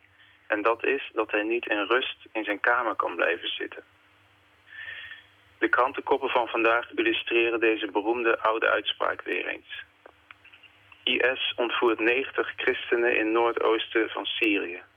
Doodvonnis Australiërs in Indonesië gehandhaafd. Studenten VS in ziekenhuis na overdosis ecstasy. Ik weet het, het klinkt ontzettend bedweterig en pretentieus om Pascal te gaan citeren, maar ik vind het zo'n mooie uitspraak. Ik zie het voor me. Een mens in een kamer. Niet voor even, maar voor lange tijd. En dan zonder een computer, smartphone of tablet. Saai, zouden veel mensen dat vermoedelijk vinden. Tien minuten zouden al lang zijn, laat staan een uur, een dag, een week. In een kamer zitten zou alleen maar een gevoel van wachten opleveren. Wachten tot je weer naar buiten mag. Oh, ik kan het heus wel hoor, maar ik wil het gewoon niet. Ik wil iets van mijn leven maken. Als je het mij vraagt, staat de krant elke dag vol met de resultaten van mensen die een kamer verlaten. IS-leden die christenen ontvoeren, Indonesiërs die Australiërs doden, Amerikaanse studenten die een lading pillen naar binnen- naar binnen gooien. Mensen die iets van hun leven willen maken. Zo, een, eh, een, een meta-verhaal over mensen die iets van hun leven willen maken, al met al. Prachtig hoe je al die dingen met elkaar weet, weet te verbinden, eigenlijk. Ja, het is een beetje een verzuchting. Eh, het regende vandaag. Ik zat naar buiten te kijken en ik dacht... Als mensen zich toch een beetje konden inhouden. Of zo. dat, dat, eh, zo is dat stukje ontstaan. Ja, nou, de meeste mensen kunnen dat heel goed hoor, zich inhouden. De meeste mensen houden zich eh, verdomd goed in. Maar ja, als je, als je de krant leest, krijg je Ja. natuurlijk ook een, een beetje een vertekend beeld van, van de werkelijkheid. Ja, ja, ik ken dat. Ik, ik, ik sprak een keer met een wat oudere vrouw. En, en zij, eh, zij woonde in een rustig dorpje in Groningen. En ze belde met mij en zei, ach, er gebeurt toch altijd zoveel in jouw stad? En toen zei ik, ja, als je de krant gelooft wel, maar het valt allemaal wel mee hoor in het echt. Dus eh, wat jij zegt inderdaad. Dat hoor ik ook vaak van, van, van journalisten die naar een, een plek toe gaan. Dat, dat als je dan twee straten verder bent, dan is het er gewoon enorm rustig. Dan kun je gewoon eh, in het café koffie krijgen. En dan Ja. zitten daar Ja. voornamelijk journalisten die even pauze hebben van, van de oorlog of, het, eh, of de demonstraties. Ja, gelukkig wel. Gelukkig is het zo. Ja. Ja, nou en eh, die, die ontruiming, dat vond ik ook wel, eh, vond ik ook wel opmerkelijk dat het, eh, dat, het, dat het nu weer voorbij is, die bezetting van het Bunghuis. Ik ben benieuwd of dat nog gevolgen krijgt. Of, of, het, Ja. eh, of het toch iets gedaan heeft. Ik hoop het. Ik hoop het wel. Ja, want ik vond het wel een sympathieke en nodige actie. Ja. Ja, dat, dat vond eigenlijk iedereen. En, en een verandering van gedachten, dat is eigenlijk nooit nieuws. Het is eigenlijk nooit zo dat, dat iemand zegt van goh, het algehele denken over, over de commercialisering van het onderwijs is veranderd. Dat zal nooit een kop zijn. Nee. Maar toch Nee. kan het ineens wel een feit zijn. En misschien dat we later zeggen van goh, hier werden een heleboel mensen ineens wakker van deze moedige studenten die, daar, eh, die daarvan zich deden spreken. Wie Ja. weet. Ja, wie weet. Ja. Robert, goeienacht. En eh, morgen graag weer een verhaal. En eh, zometeen, mocht het ervan komen, nog een fijne nachtrust. Oké, tot morgen. Leon Bridges die komt uit eh, Fort Worth in eh, Texas in de Verenigde Staten. En maakt eh, muziek die je zou kunnen omschrijven als gospel en soul. In de jaren 60 was dat, natuurlijk, waren de hoogtijdagen van die muziek. Een van zijn voorbeelden is Sam Cooke en dat kun je horen. Hier is Leon Bridges met Coming Home.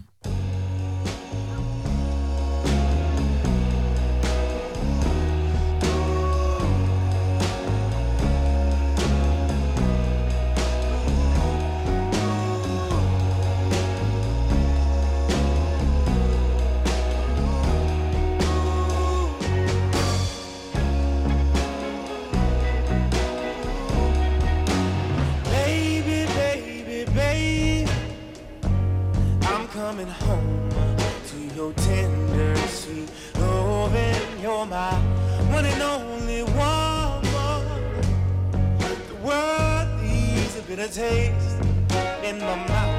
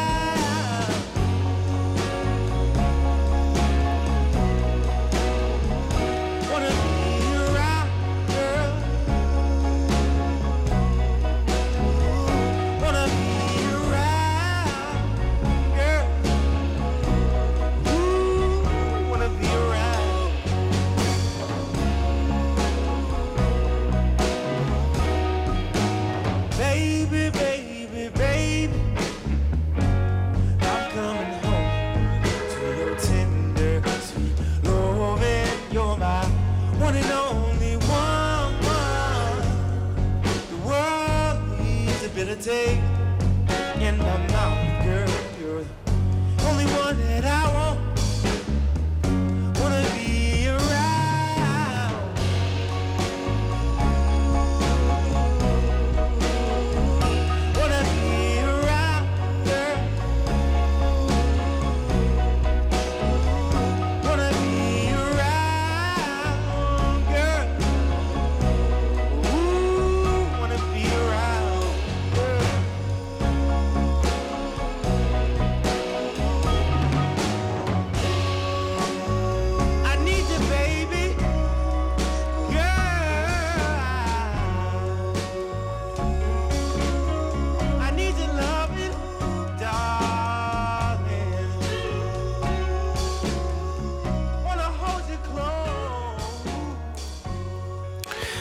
Leon Bridges met het eh, nummer Coming Home. Nooit meer slapen.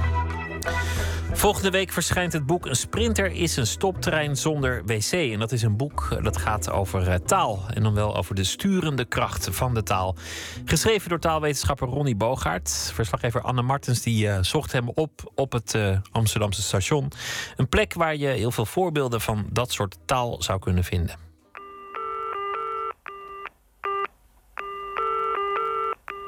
Ik denk dat ik een jaar of acht was. Toen eh, deed ik mee aan een fietspuzzeltocht. En eh, dat waren vragen van het type: Weet u wanneer deze boerderij gebouwd is? En dat wist ik dan wel, want dat stond gewoon op die boerderij. Dus dat vulde ik allemaal netjes in.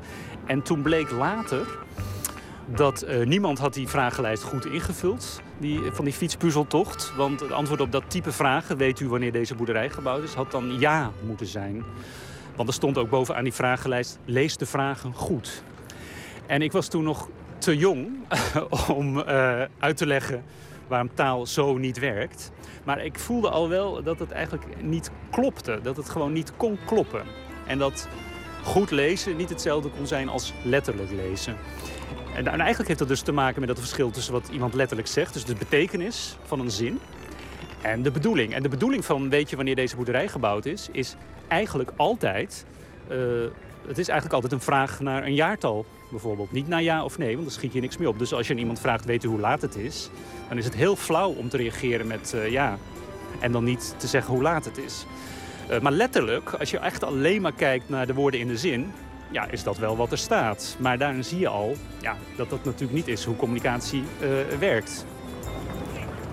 Ronnie Bogaert is universitair docent aan de Universiteit van Leiden en onderzoekt de sturende kracht van taal. de sturende kracht van taal. Dat zijn allerlei woordjes en constructies die op, eh, soms op hele subtiele manier de lezer of de luisteraar een bepaalde richting insturen. Dat kennen mensen waarschijnlijk het beste eh, als het gaat om dingen als eh, een stoptrein die een sprinter wordt genoemd.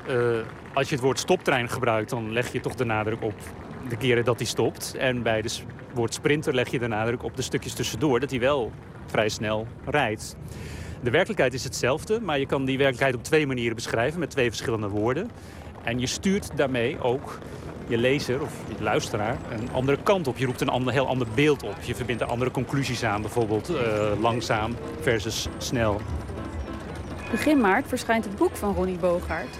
Een sprinter is een stoptrein zonder wc. In dit boek geeft hij veel voorbeelden van sturende taal. Want door zinnen op een bepaalde manier te formuleren...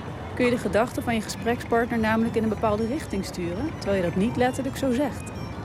Ja, het is, een- boek dat eigenlijk dus gaat over, eh, dat gaat over taal. Maar gek genoeg, een beetje paradoxaal misschien, gaat het vooral over wat mensen niet zeggen als ze taal gebruiken, maar wat ze eigenlijk wel bedoelen.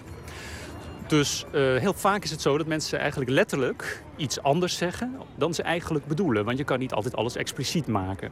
Eh, mensen zeggen iets letterlijk met woorden. Die woorden hebben een bepaalde betekenis. Die zou je eventueel in het woordenboek op kunnen zoeken. Maar als je de betekenis van die woorden bij elkaar optelt, dan weet je eigenlijk nog steeds niet wat iemand nou heeft bedoeld. Want de bedoeling van iemand, dat is iets wat je af moet leiden uit de letterlijke betekenis. Dus eh, welke richting hij of zij jou uit wil sturen. Dat moet je begrijpen, anders is de communicatie niet geslaagd. Als je zegt de zon schijnt, ja, kijk, dat is zelden of nooit is dat puur een beschrijving van de werkelijkheid. Want waarom zou je de werkelijkheid gaan beschrijven? Je zegt dat altijd met een bepaalde bedoeling. Eh, dus laten we naar buiten gaan, dus het is lekker weer. Eh, en die bedoeling, dat is eigenlijk waar het om gaat in communicatie. Omdat hij vaak voorrenst van Amsterdam naar Leiden, staan we op een plek waar hij veel voorbeelden vindt van sturend taalgebruik. Op het station. Als je er eenmaal mee bezig bent, dan eh, merk je eigenlijk de hele tijd dat, je, dat, dat er een verschil is tussen letterlijke betekenis en bedoeling. Maar ook wel dat er, zeker als het om het station gaat en de NS en de trein enzovoort, dat er een aantal omstandigheden ook wel heel bewust gebruik van wordt gemaakt. Dus vroeger hadden treinen vijf minuten vertraging. En tegenwoordig eh, vertrekt die over vijf minuten. Eh, en er is natuurlijk nogal een verschil tussen vertraging en vertrekken. Bovendien kan je heel lang over vijf minuten vertrekken... terwijl de vertraging dan al steeds meer is geworden. Zullen we even naar binnen gaan? Ja, Dan kunnen we daar het gaan we even kijken. Ja.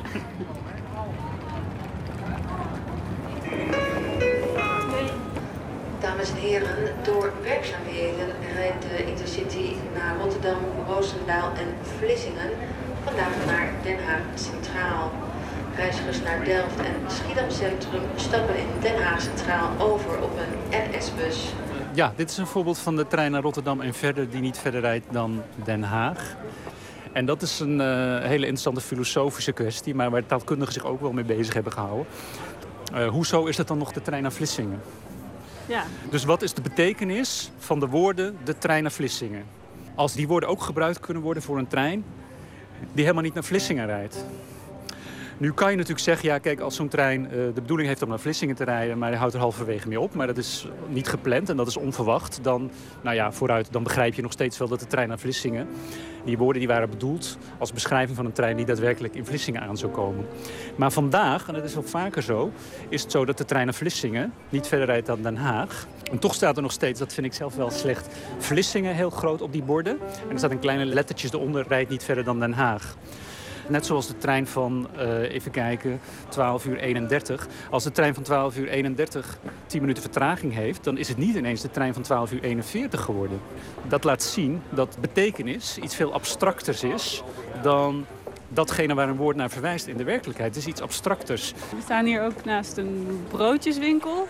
Ja, In je boek beschrijf je ook situaties waarin je eh, ook daar ja in Ehm, de, sturende taal in de broodzaak. Ja, dat was een paar jaar geleden. Ehm, toen eh, had je de flesjes karnemelk en gewone melk. Die leken nogal op elkaar.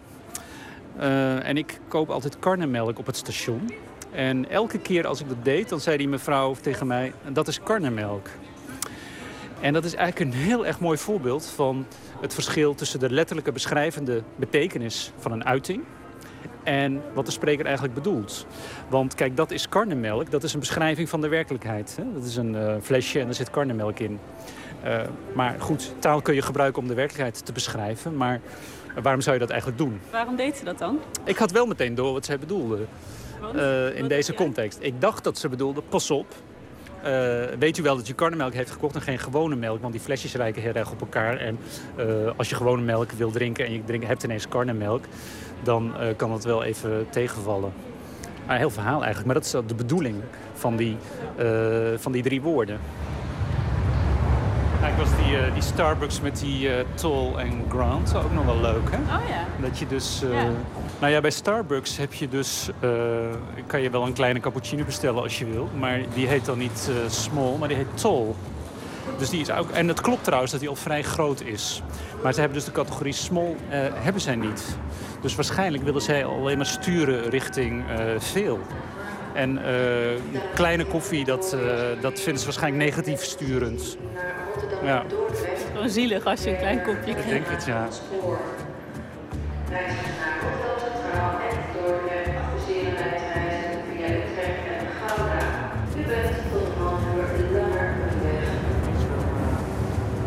Ik, heb een paar jaar geleden heb ik een treinreis geboekt bij de treinreiswinkel. En toen bleek, eigenlijk pas toen ik aan het rondreizen was, in Oostenrijk was dat, dat zij vonden eh, hoe langer hoe beter. Dus dat je zo lang mogelijk in de trein moest zitten tussen verschillende plekken in Oostenrijk. Was dan natuurlijk ook een hele, het mooie uitzicht eh, enzovoort. Maar je, ik kwam er toen achter dat je ook van Wenen naar Salzburg kon in eh 2,5 uur. Eh, maar die route van de treinreiswinkel, die deed er 6 of 7 uur over. Dus extra reistijd, dat was, daar, eh, dat was echt een aanbeveling. Eh, heb je zelf wel eens dat je een moment gehad hebt dat je er een soort van ingestonken bent door taalgebruik? Ja, zeker. Ik had het gisteren nog en het was ook op een station. Op station Zuid stond iemand met NRC Handelsblad. Die gaf mij een gratis exemplaar van NRC Handelsblad. Die persoon zei, nou het is, uh, komt heel goed uit, vandaag is heel speciaal. We zoeken namelijk geen nieuwe abonnees, maar testpersonen. En daardoor bleef ik toch even hangen. Want ik dacht, ja, testpersonen, dat is iets anders dan nieuwe abonnees. Testpersonen die gaan een tijdje die krant lezen. Dat stuurt richting, nou, gratis of misschien zelfs wel beloond worden... omdat je uh, proefpersoon bent voor die krant. Uh, maar dus, dus toen ging ik echt een tijdje naar hem luisteren. En ik dacht, nou ja, misschien wil ik dat zelfs wel doen. Maar toen bleek dus, ja, dat was gewoon een abonnement. Dus je moest gewoon daarvoor betalen. En dat was dan een relatief goedkoop abonnement. Maar dat was natuurlijk echt exact dezelfde werkelijkheid als die uh, waarmee ze anders bij het station staan. Dat ze je een abonnement willen verkopen. Maar ik ging er wel een tijdje mee mee. Ik dacht, ja, testpersoon, dat is toch wel een, een interessant uh, fenomeen. Maar dat is dus gewoon een ander woord voor hetzelfde. Als ik dan in de trein zit op weg naar uh, college in Leiden, dan uh, zie ik dat soort dingen. En die gebruik ik dan meteen op college. En dan uh, is het ook meteen duidelijk wat het betekent. En dat het ook relevant is, gewoon in het dagelijks leven. Dat het gebeurt en dat je het eigenlijk ook wel soms een beetje voor op je hoede moet zijn. Dat je goed is om je daar bewust van te zijn. Dat je de hele tijd wordt gestuurd door de taal die je om je heen hoort.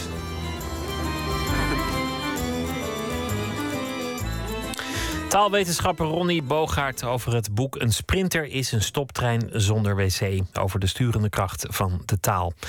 Uh, verschijnt bij uh, Amsterdam University Press en uh, de verslaggever was Anne Martens.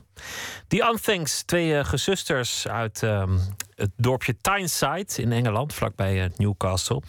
Adrian McNally die zit ook nog in de band. En dat is de pianist die dan weer getrouwd is met een van de zusjes, dat u het weet. Het album heet Mount the Air en het nummer. Hawthorne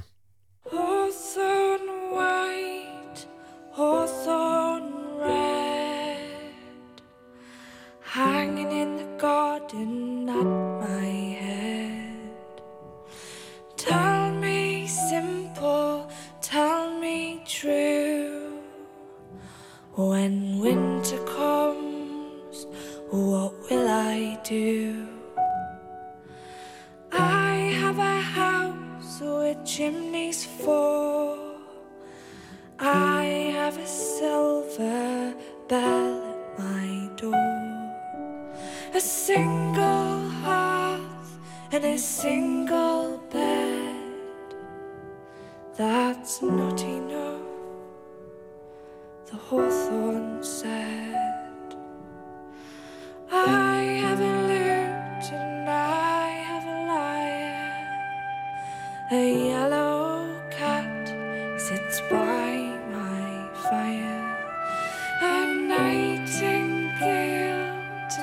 tree is tied. That bird looks sick, the hawthorn cried.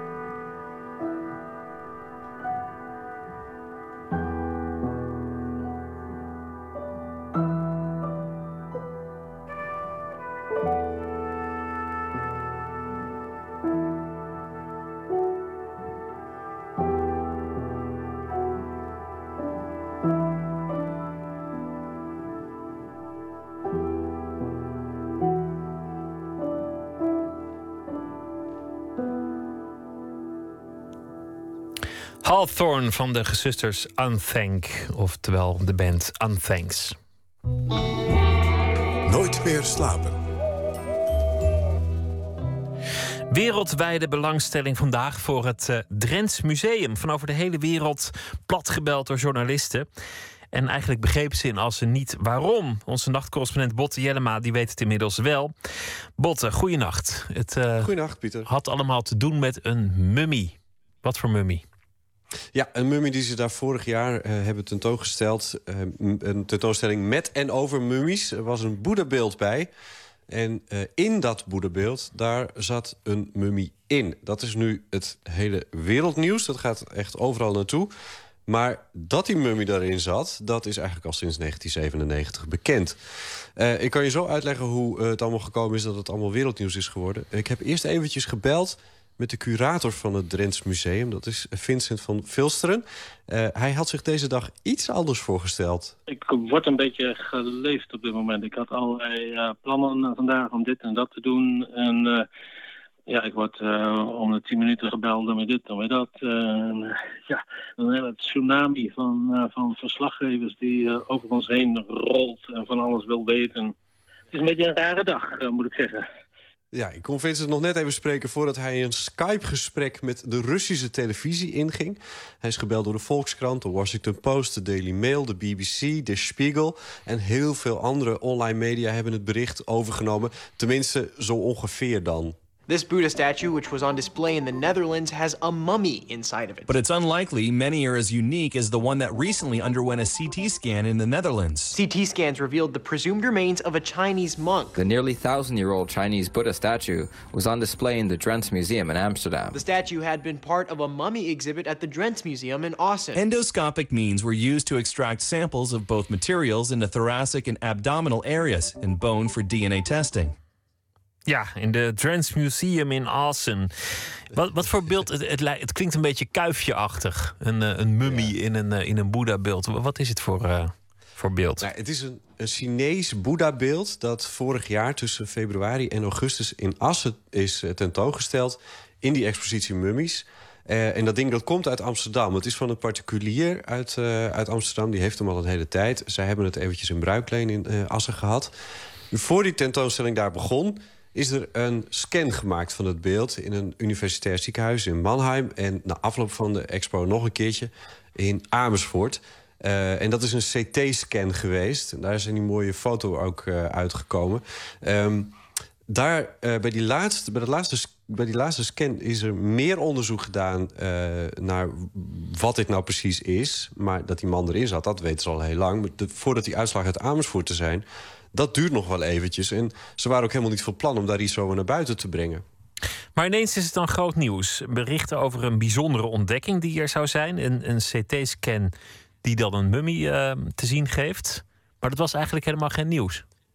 Nou nee, in 1996 kocht die, pa- kocht die particulier uit Amsterdam eh, dat. Een bijna duizend jaar oud Boeddha-beeld.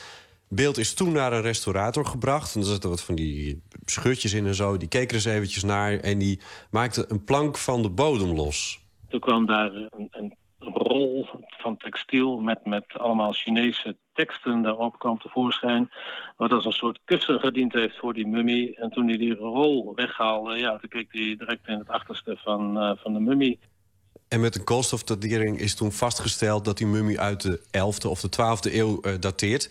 Het textiel wat daar omheen zat, dat hebben ze, wat ze daar hebben gevonden, dat was iets van 200 jaar jonger. En het vermoeden is dat eh, in die periode de mummie is omgevormd tot een Boeddhabeeld. Dat ze allerlei papier-maché en lak en verflagen overheen gesmeerd hebben. En heel mooi gemaakt en versierd. En uh, dat in uh, de 20e eeuw is die dan bewaard gebleven in China. En, en heeft die waarschijnlijk tot die tijd gewoon een functie gehad in een tempel. Ja, in een tempel werd hij dan gewoon aanbeden. Uh, met de culturele revolutie in China is het beeld waarschijnlijk in veiligheid gebracht... en zo in Amsterdam en uiteindelijk in Assen terechtgekomen. De Huffington Post, die schreef er vandaag over. Dat is een webmagazine, niet erg vies van wat sensatie. Die uh, had het erover uh, dat deze mummie eigenlijk een man was... die bij leven in dat boedebeeld was ingesloten. Uh, daar op een dieet werd gezet met uh, uh, giftige thee. Uiteindelijk dan in een soort meditatievorm zo is overleden... in hogere meditatieve sferen. En dat noemden ze zelf mummificatie. Maar dat verhaal, ik heb het toch maar even gevraagd... dat is echt onzin, zo vertelt Vincent van Vilster mij. Hoewel zelfmummificatie door middel van een dieet wel wordt onderzocht. Dat is een praktijk die bij boeddhistische monniken in die periode voorkwam. Waarbij een monnik aan het eind van zijn leven zich alvast voorbereidde op een leven na de dood als mummie. Dat deed hij dus door bijvoorbeeld uh, ja, een heel streng dieet te volgen en ook bepaalde voedseldingen in te nemen die het uh, conserveren van het menselijk lichaam zouden bevorderen. Maar of dat met deze mummie ook het geval is, dat moeten we even uh, zien uit die resultaten, die testresultaten van die scan in Amersfoort. Uh, daar wachten we nog eventjes op. Dat kan dus tot mei duren. Waar is het uh, geval intussen eigenlijk? Nou, hij staat nu in het Natuurhistorisch Museum in Budapest. Want het is een uh, tentoonstelling, die, die mummie-tentoonstelling... die reist rond langs vier Europese steden. Uh, daar staat hij nu. En in mei is de mummie-tentoonstelling te zien in Luxemburg. Dat is misschien ook even de laatste keer dat je hem weer kan zien. Want die mummie gaat daarna weer terug naar die particulier in Amsterdam. En dan was er begin uh, februari ook nog de ontdekking van een 200 jaar oude monnik in de lotushouding. Voor wie uh, wel eens een yoga ja. doet. Ja. ja. die is dus veel jonger. Maar uh, waarschijnlijk, tenminste zo vermoedt Vincent van Vilsteren dus... dus de, de, curator van het Drents Museum... waarschijnlijk is die ontdekking, begin deze maand... de aanleiding geweest dat men nu bij, al googelend of zo... bij een bericht uit Amersfoort terecht is gekomen. Want... Um, er is dus nog niks naar buiten gekomen over die, die scan in Amersfoort. Maar er is wel een weblog bericht verschenen vanaf het interne berichtgeving van het ziekenhuis in Amersfoort, waar er wel iets over is geschreven. Dus hij zei: het enige nieuws wat er over uh, monniken en, gemummificeerde monniken in lotushoudingen de laatste tijd is geweest, dat is van die 200 jaar oude uh, Mongoolse mon, monnik geweest. van begin deze maand. Dus waarschijnlijk is dat de aanleiding geweest. Maar verder tast hij volstrekt in het duister waarom dit nu ineens wereldnieuws is. Maar goed, daarmee was het wel ineens wereldnieuws. En, en, dan is het maar nieuws omdat het nieuws is. En zo loopt de kat van het journaal weer achter zijn eigen staart aan. nou ja, zoiets. Ja, nou, ik zat er vandaag dus ook een beetje mee van ja. Eigenlijk is dit dus geen, geen nieuws. Maar dat vind ik dan ook weer een beetje de beperkte blik van een journalist. Van de andere kant, het is wel gewoon een heel erg goed verhaal. En uh, kijk, ik heb wel weer iets over mummies opgestoken per slot van rekening. Ik wist het niet, dus uh, in die zin was het nieuws. Dankjewel, Botte Jellema. Graag gedaan.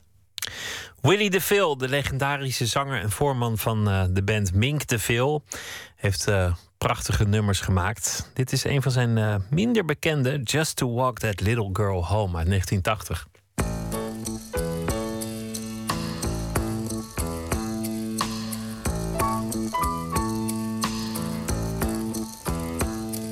It's closing time.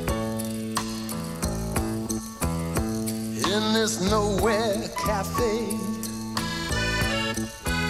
There's no way in the world let her slip away. No, I can't explain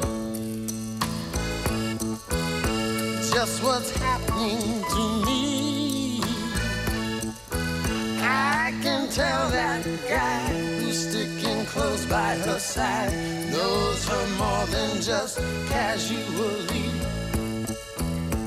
But there's nothing that I wouldn't do. No, there's nothing that I wouldn't do. No, there's nothing that I wouldn't do just to walk that little girl home. Just to walk that. Mm, just to walk that little girl home.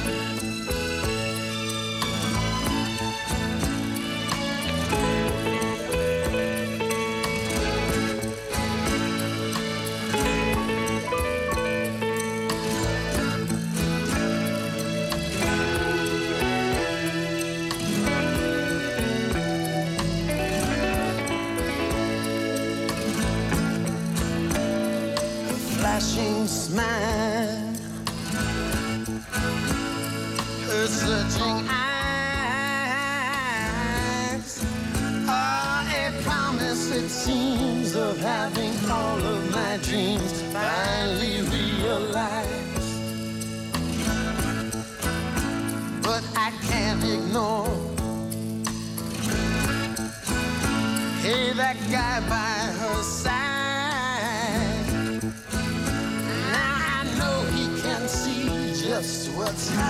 to me. There's a look on his face he can't hide. But I'm telling you, there's nothing that I wouldn't do. No, there's nothing that I wouldn't do. No, there's nothing that I wouldn't do just to walk that little girl home. Just to walk walk that little girl home. No, there's nothing that I wouldn't do. No, there's nothing that I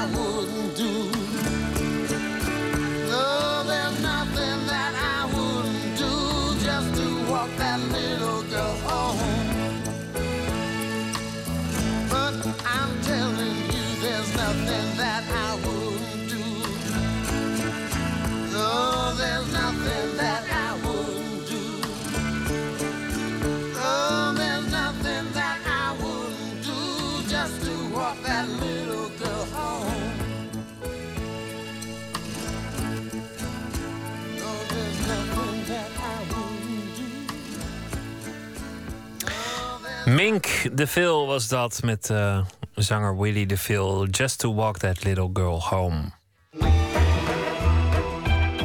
Nooit meer slapen.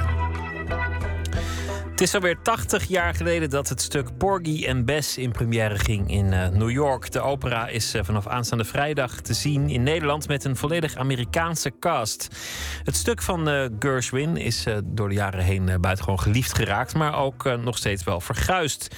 De klacht is dat het eh, zwarte stereotypen zou eh, bevatten. En de discussie eh, is of het niet te veel neigt naar een musical. Wat vaststaat is dat het een eh, klassiek stuk is, heel vaak uitgevoerd, ook in andere bewerkingen door bijvoorbeeld Miles Davis. Mezzo-sopraan Tania Cross die gaat in ieder geval kijken naar de show en onze verslaggever Nicole Terborg die spreekt de zangeres op haar kantoor in Gouda.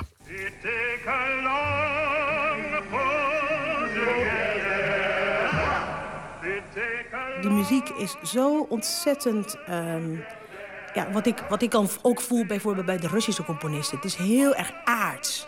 Het is met twee benen op de grond. Het zweeft niet. Het is, Franse muziek zweeft.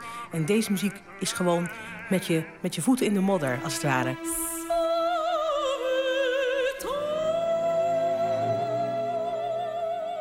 Klankkleur die je daarvoor moet hebben. Strot dat je open moet trekken om, om dit repertoire te zingen. Tegelijkertijd zo ritmisch, zo ontzettend virtuoos moet je daarin zijn. Je kan niet zomaar iemand vragen, kan je even die aria zingen? Kan je even Summertime zingen? Het is echt pittig werk. Dus de uitdaging om het te goed te kunnen... is voor mij altijd van, yes, oh, ik mag het ergens weer zingen met orkest. En eh, tegelijkertijd zweet ik ook een beetje van, oeh, ik hoop dat ik het goed kan. Tanja, we- je zit nu voor een eh, witte kast geknield. Want wat zoek je? Ik ben even aan het kijken, want...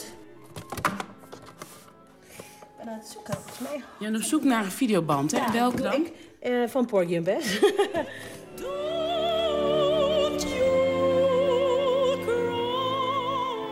was aan het studeren op het conservatorium en ik had een eh, videoband eh, met, eh, met een voorstelling van Porgy en Bess.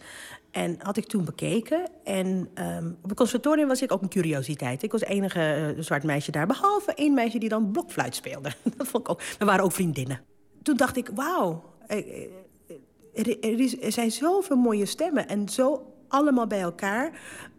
Mijn afstudeerscriptie had ik ook eh, eh, gedaan over zwarte stemmen. Hoe hoor je dat een stem zwart is? Want men hoort het kennelijk direct. Hè? En dan dacht ik, ja, maar waarom?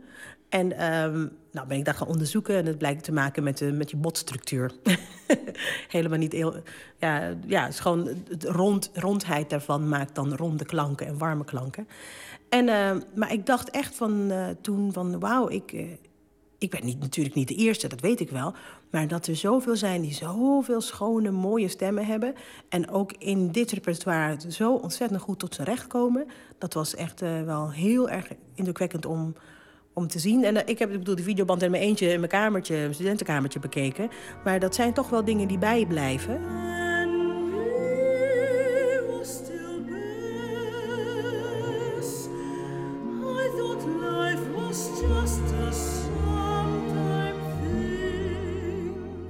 Nou, dat was de aria Not a Sometime Thing.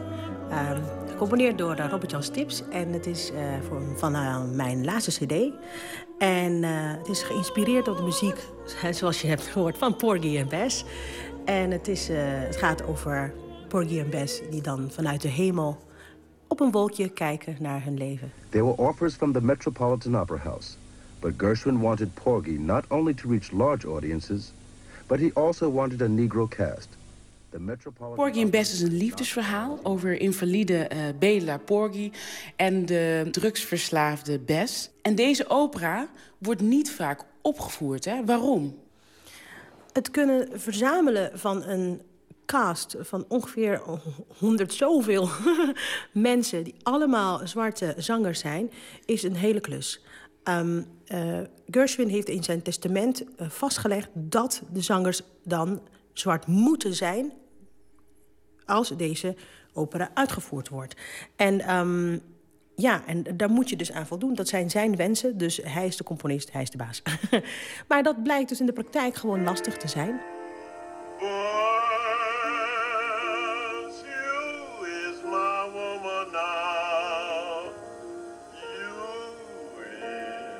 Ja, tot danken, hè, de, de eerste eh, Porgy. En een heel oud mannetje, zie je dan. En, eh, maar nog steeds een wonderschone stem.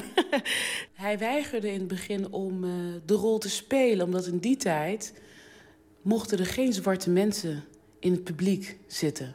nou, dat, dat, is gewoon eh, waanzinnig. Je bent daar voor de kunst en voor jouw kunnen. Om dan jouw, jouw talent en, en jouw stem alleen maar voor een bepaald publiek dan te mogen zingen. Terwijl het ook een opera gaat is over zwarte mensen en hun verhaal. Ik vind het natuurlijk belachelijk, maar hij heeft helemaal gelijk.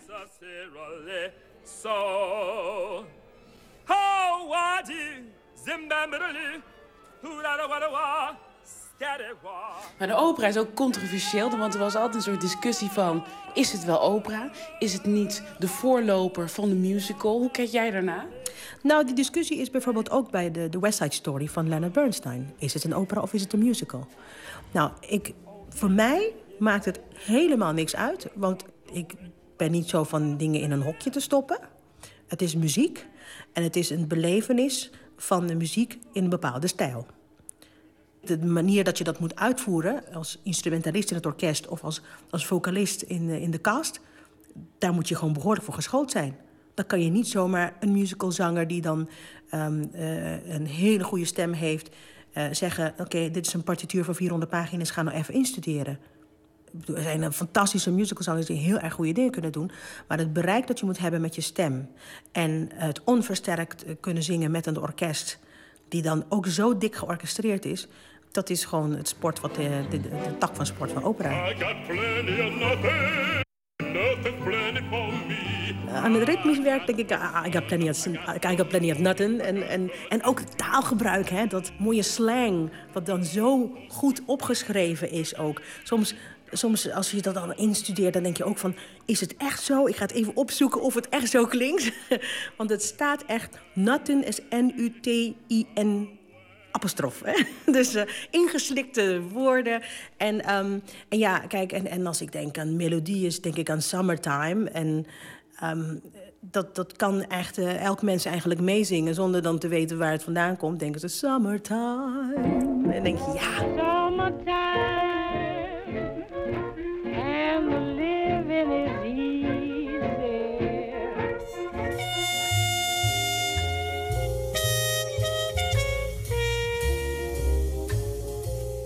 Summertime, dan denk ik al gelijk aan grootheden, vooral uit de jazz en blues. Billie Holiday, Miles Davis, Chet Baker. Niet, de, niet het muzikale genre waar jij in begeeft. Nou, dat ben ik niet met jou eens. Als, als ik hoor Summertime, dan denk ik Jesse Norman. denk ik Kathleen Battle. Dan denk ik um, Grace Bumbry. Dan zijn al die prachtige, zwarte, fantastische operazangeressen... die dan ook deze muziek op een wonderbaarlijk schone manier zingen.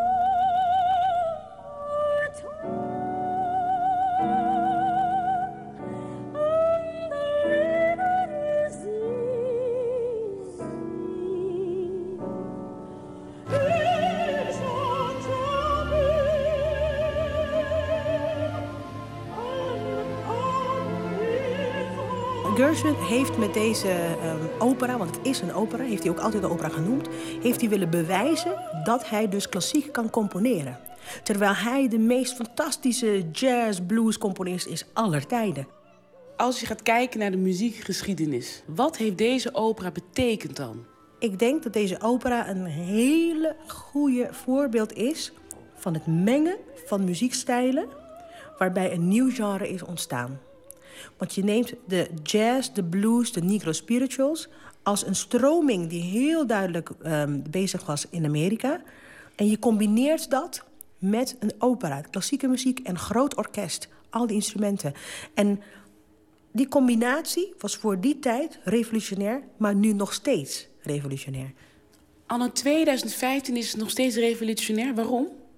Omdat niemand het beter heeft kunnen doen dan Gershwin. Hoe precies die lijn te lopen... dat dan deze nummers niet maar een opera was die ooit een keer gedaan is... maar dat ze dan melodieën hebben erin... die blijvend zijn voor onze muzikale geschiedenis. Het is, de muziek van Porgy en Bess zit in onze DNA. En dat is wat maakt dat het een pracht van een stuk is... en een geniaal compositie. In onze DNA, dan denk je aan welke nummers? Ja, ik, ik, ik, ik, blijf bij Summertime. Ik bedoel, Summertime is, is door zoveel verschillende componisten, uitvoerders, zangers, instrumentalisten vertolkt. Dat, dat, daarom zeg ik, het is een deel van onze muzikale DNA.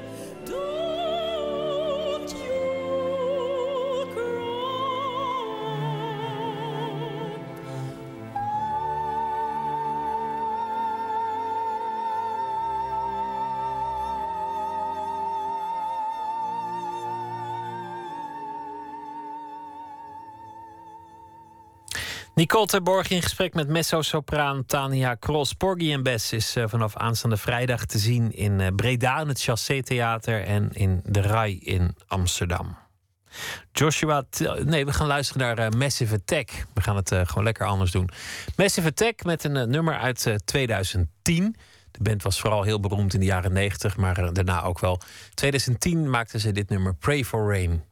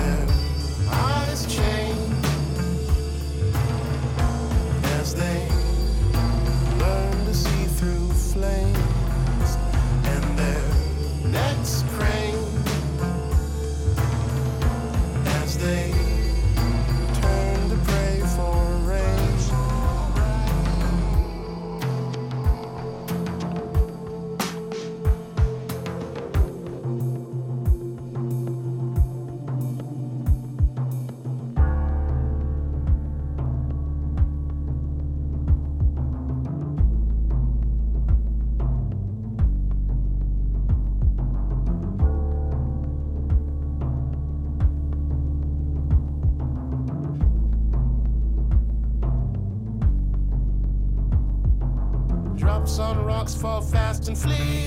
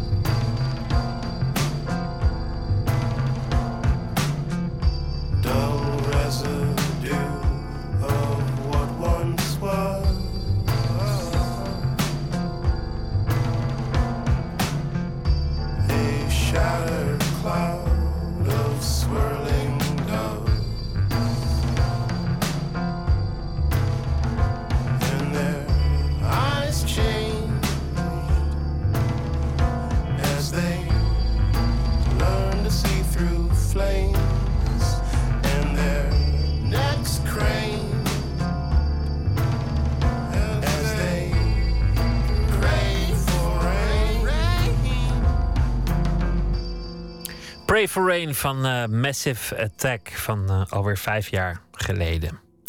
Vrouwtje Tuinman is eh, dichter en deze week zal ze elke dag een verhaal of een gedicht voordragen. Een van haar favoriete gedichten. Afgelopen najaar schreef ze haar vierde bundel. Sanatorium was daarvan de titel. Over een onbetrouwbare geest in een kwakkelend lichaam. Ze schrijft aan een roman op dit moment. Ze leest vandaag een gedicht van Philip Larkin. Behoefte van Philip Larkin, vertaald door Jan Eikelboom.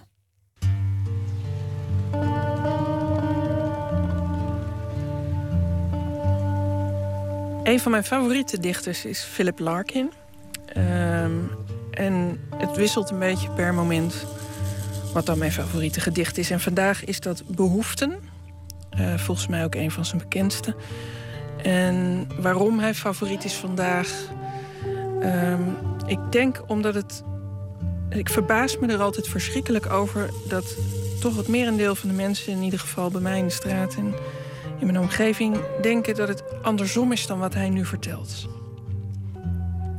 Behoeften. Voorbij dit alles ligt de wens alleen te zijn. Hoe ook de lucht verduisterd wordt door invitaties, Hoe wij de gedrukte regels van de seks ook volgen, hoe de familie ook gekikt wordt onder de vlag. Voorbij dit alles ligt de wens alleen te zijn. Onder dit alles stroomt verlangen naar vergetelheid. Ondanks de sluwe spanning van de kalender, de levensverzekering, de vruchtbaarheidsrieten, het kostbaar afwenden van de blik van de dood. Onder dit alles stroomt verlangen naar vergetelheid. Behoeften van eh, Philip Larkin, vertaald door Jan Eikelboom, voorgelezen door dichter Vrouwtje Tuinman. Dit was Nooit meer slapen voor deze nacht. Morgen zijn we weer na middernacht. Dan komt uh, schrijfster en juriste Naima Tahir langs. Die uh, heeft een uh, nieuw boek, Gesluierde Vrijheid. Waarin ze ingaat op het leven en de traditie van de moslimvrouw. Dat morgen. Voor nu een hele goede nacht. morgen een leuke dag en graag weer tot dan. En zometeen WNL met Nog Steeds Wakker. Ik wens u een hele goede nacht.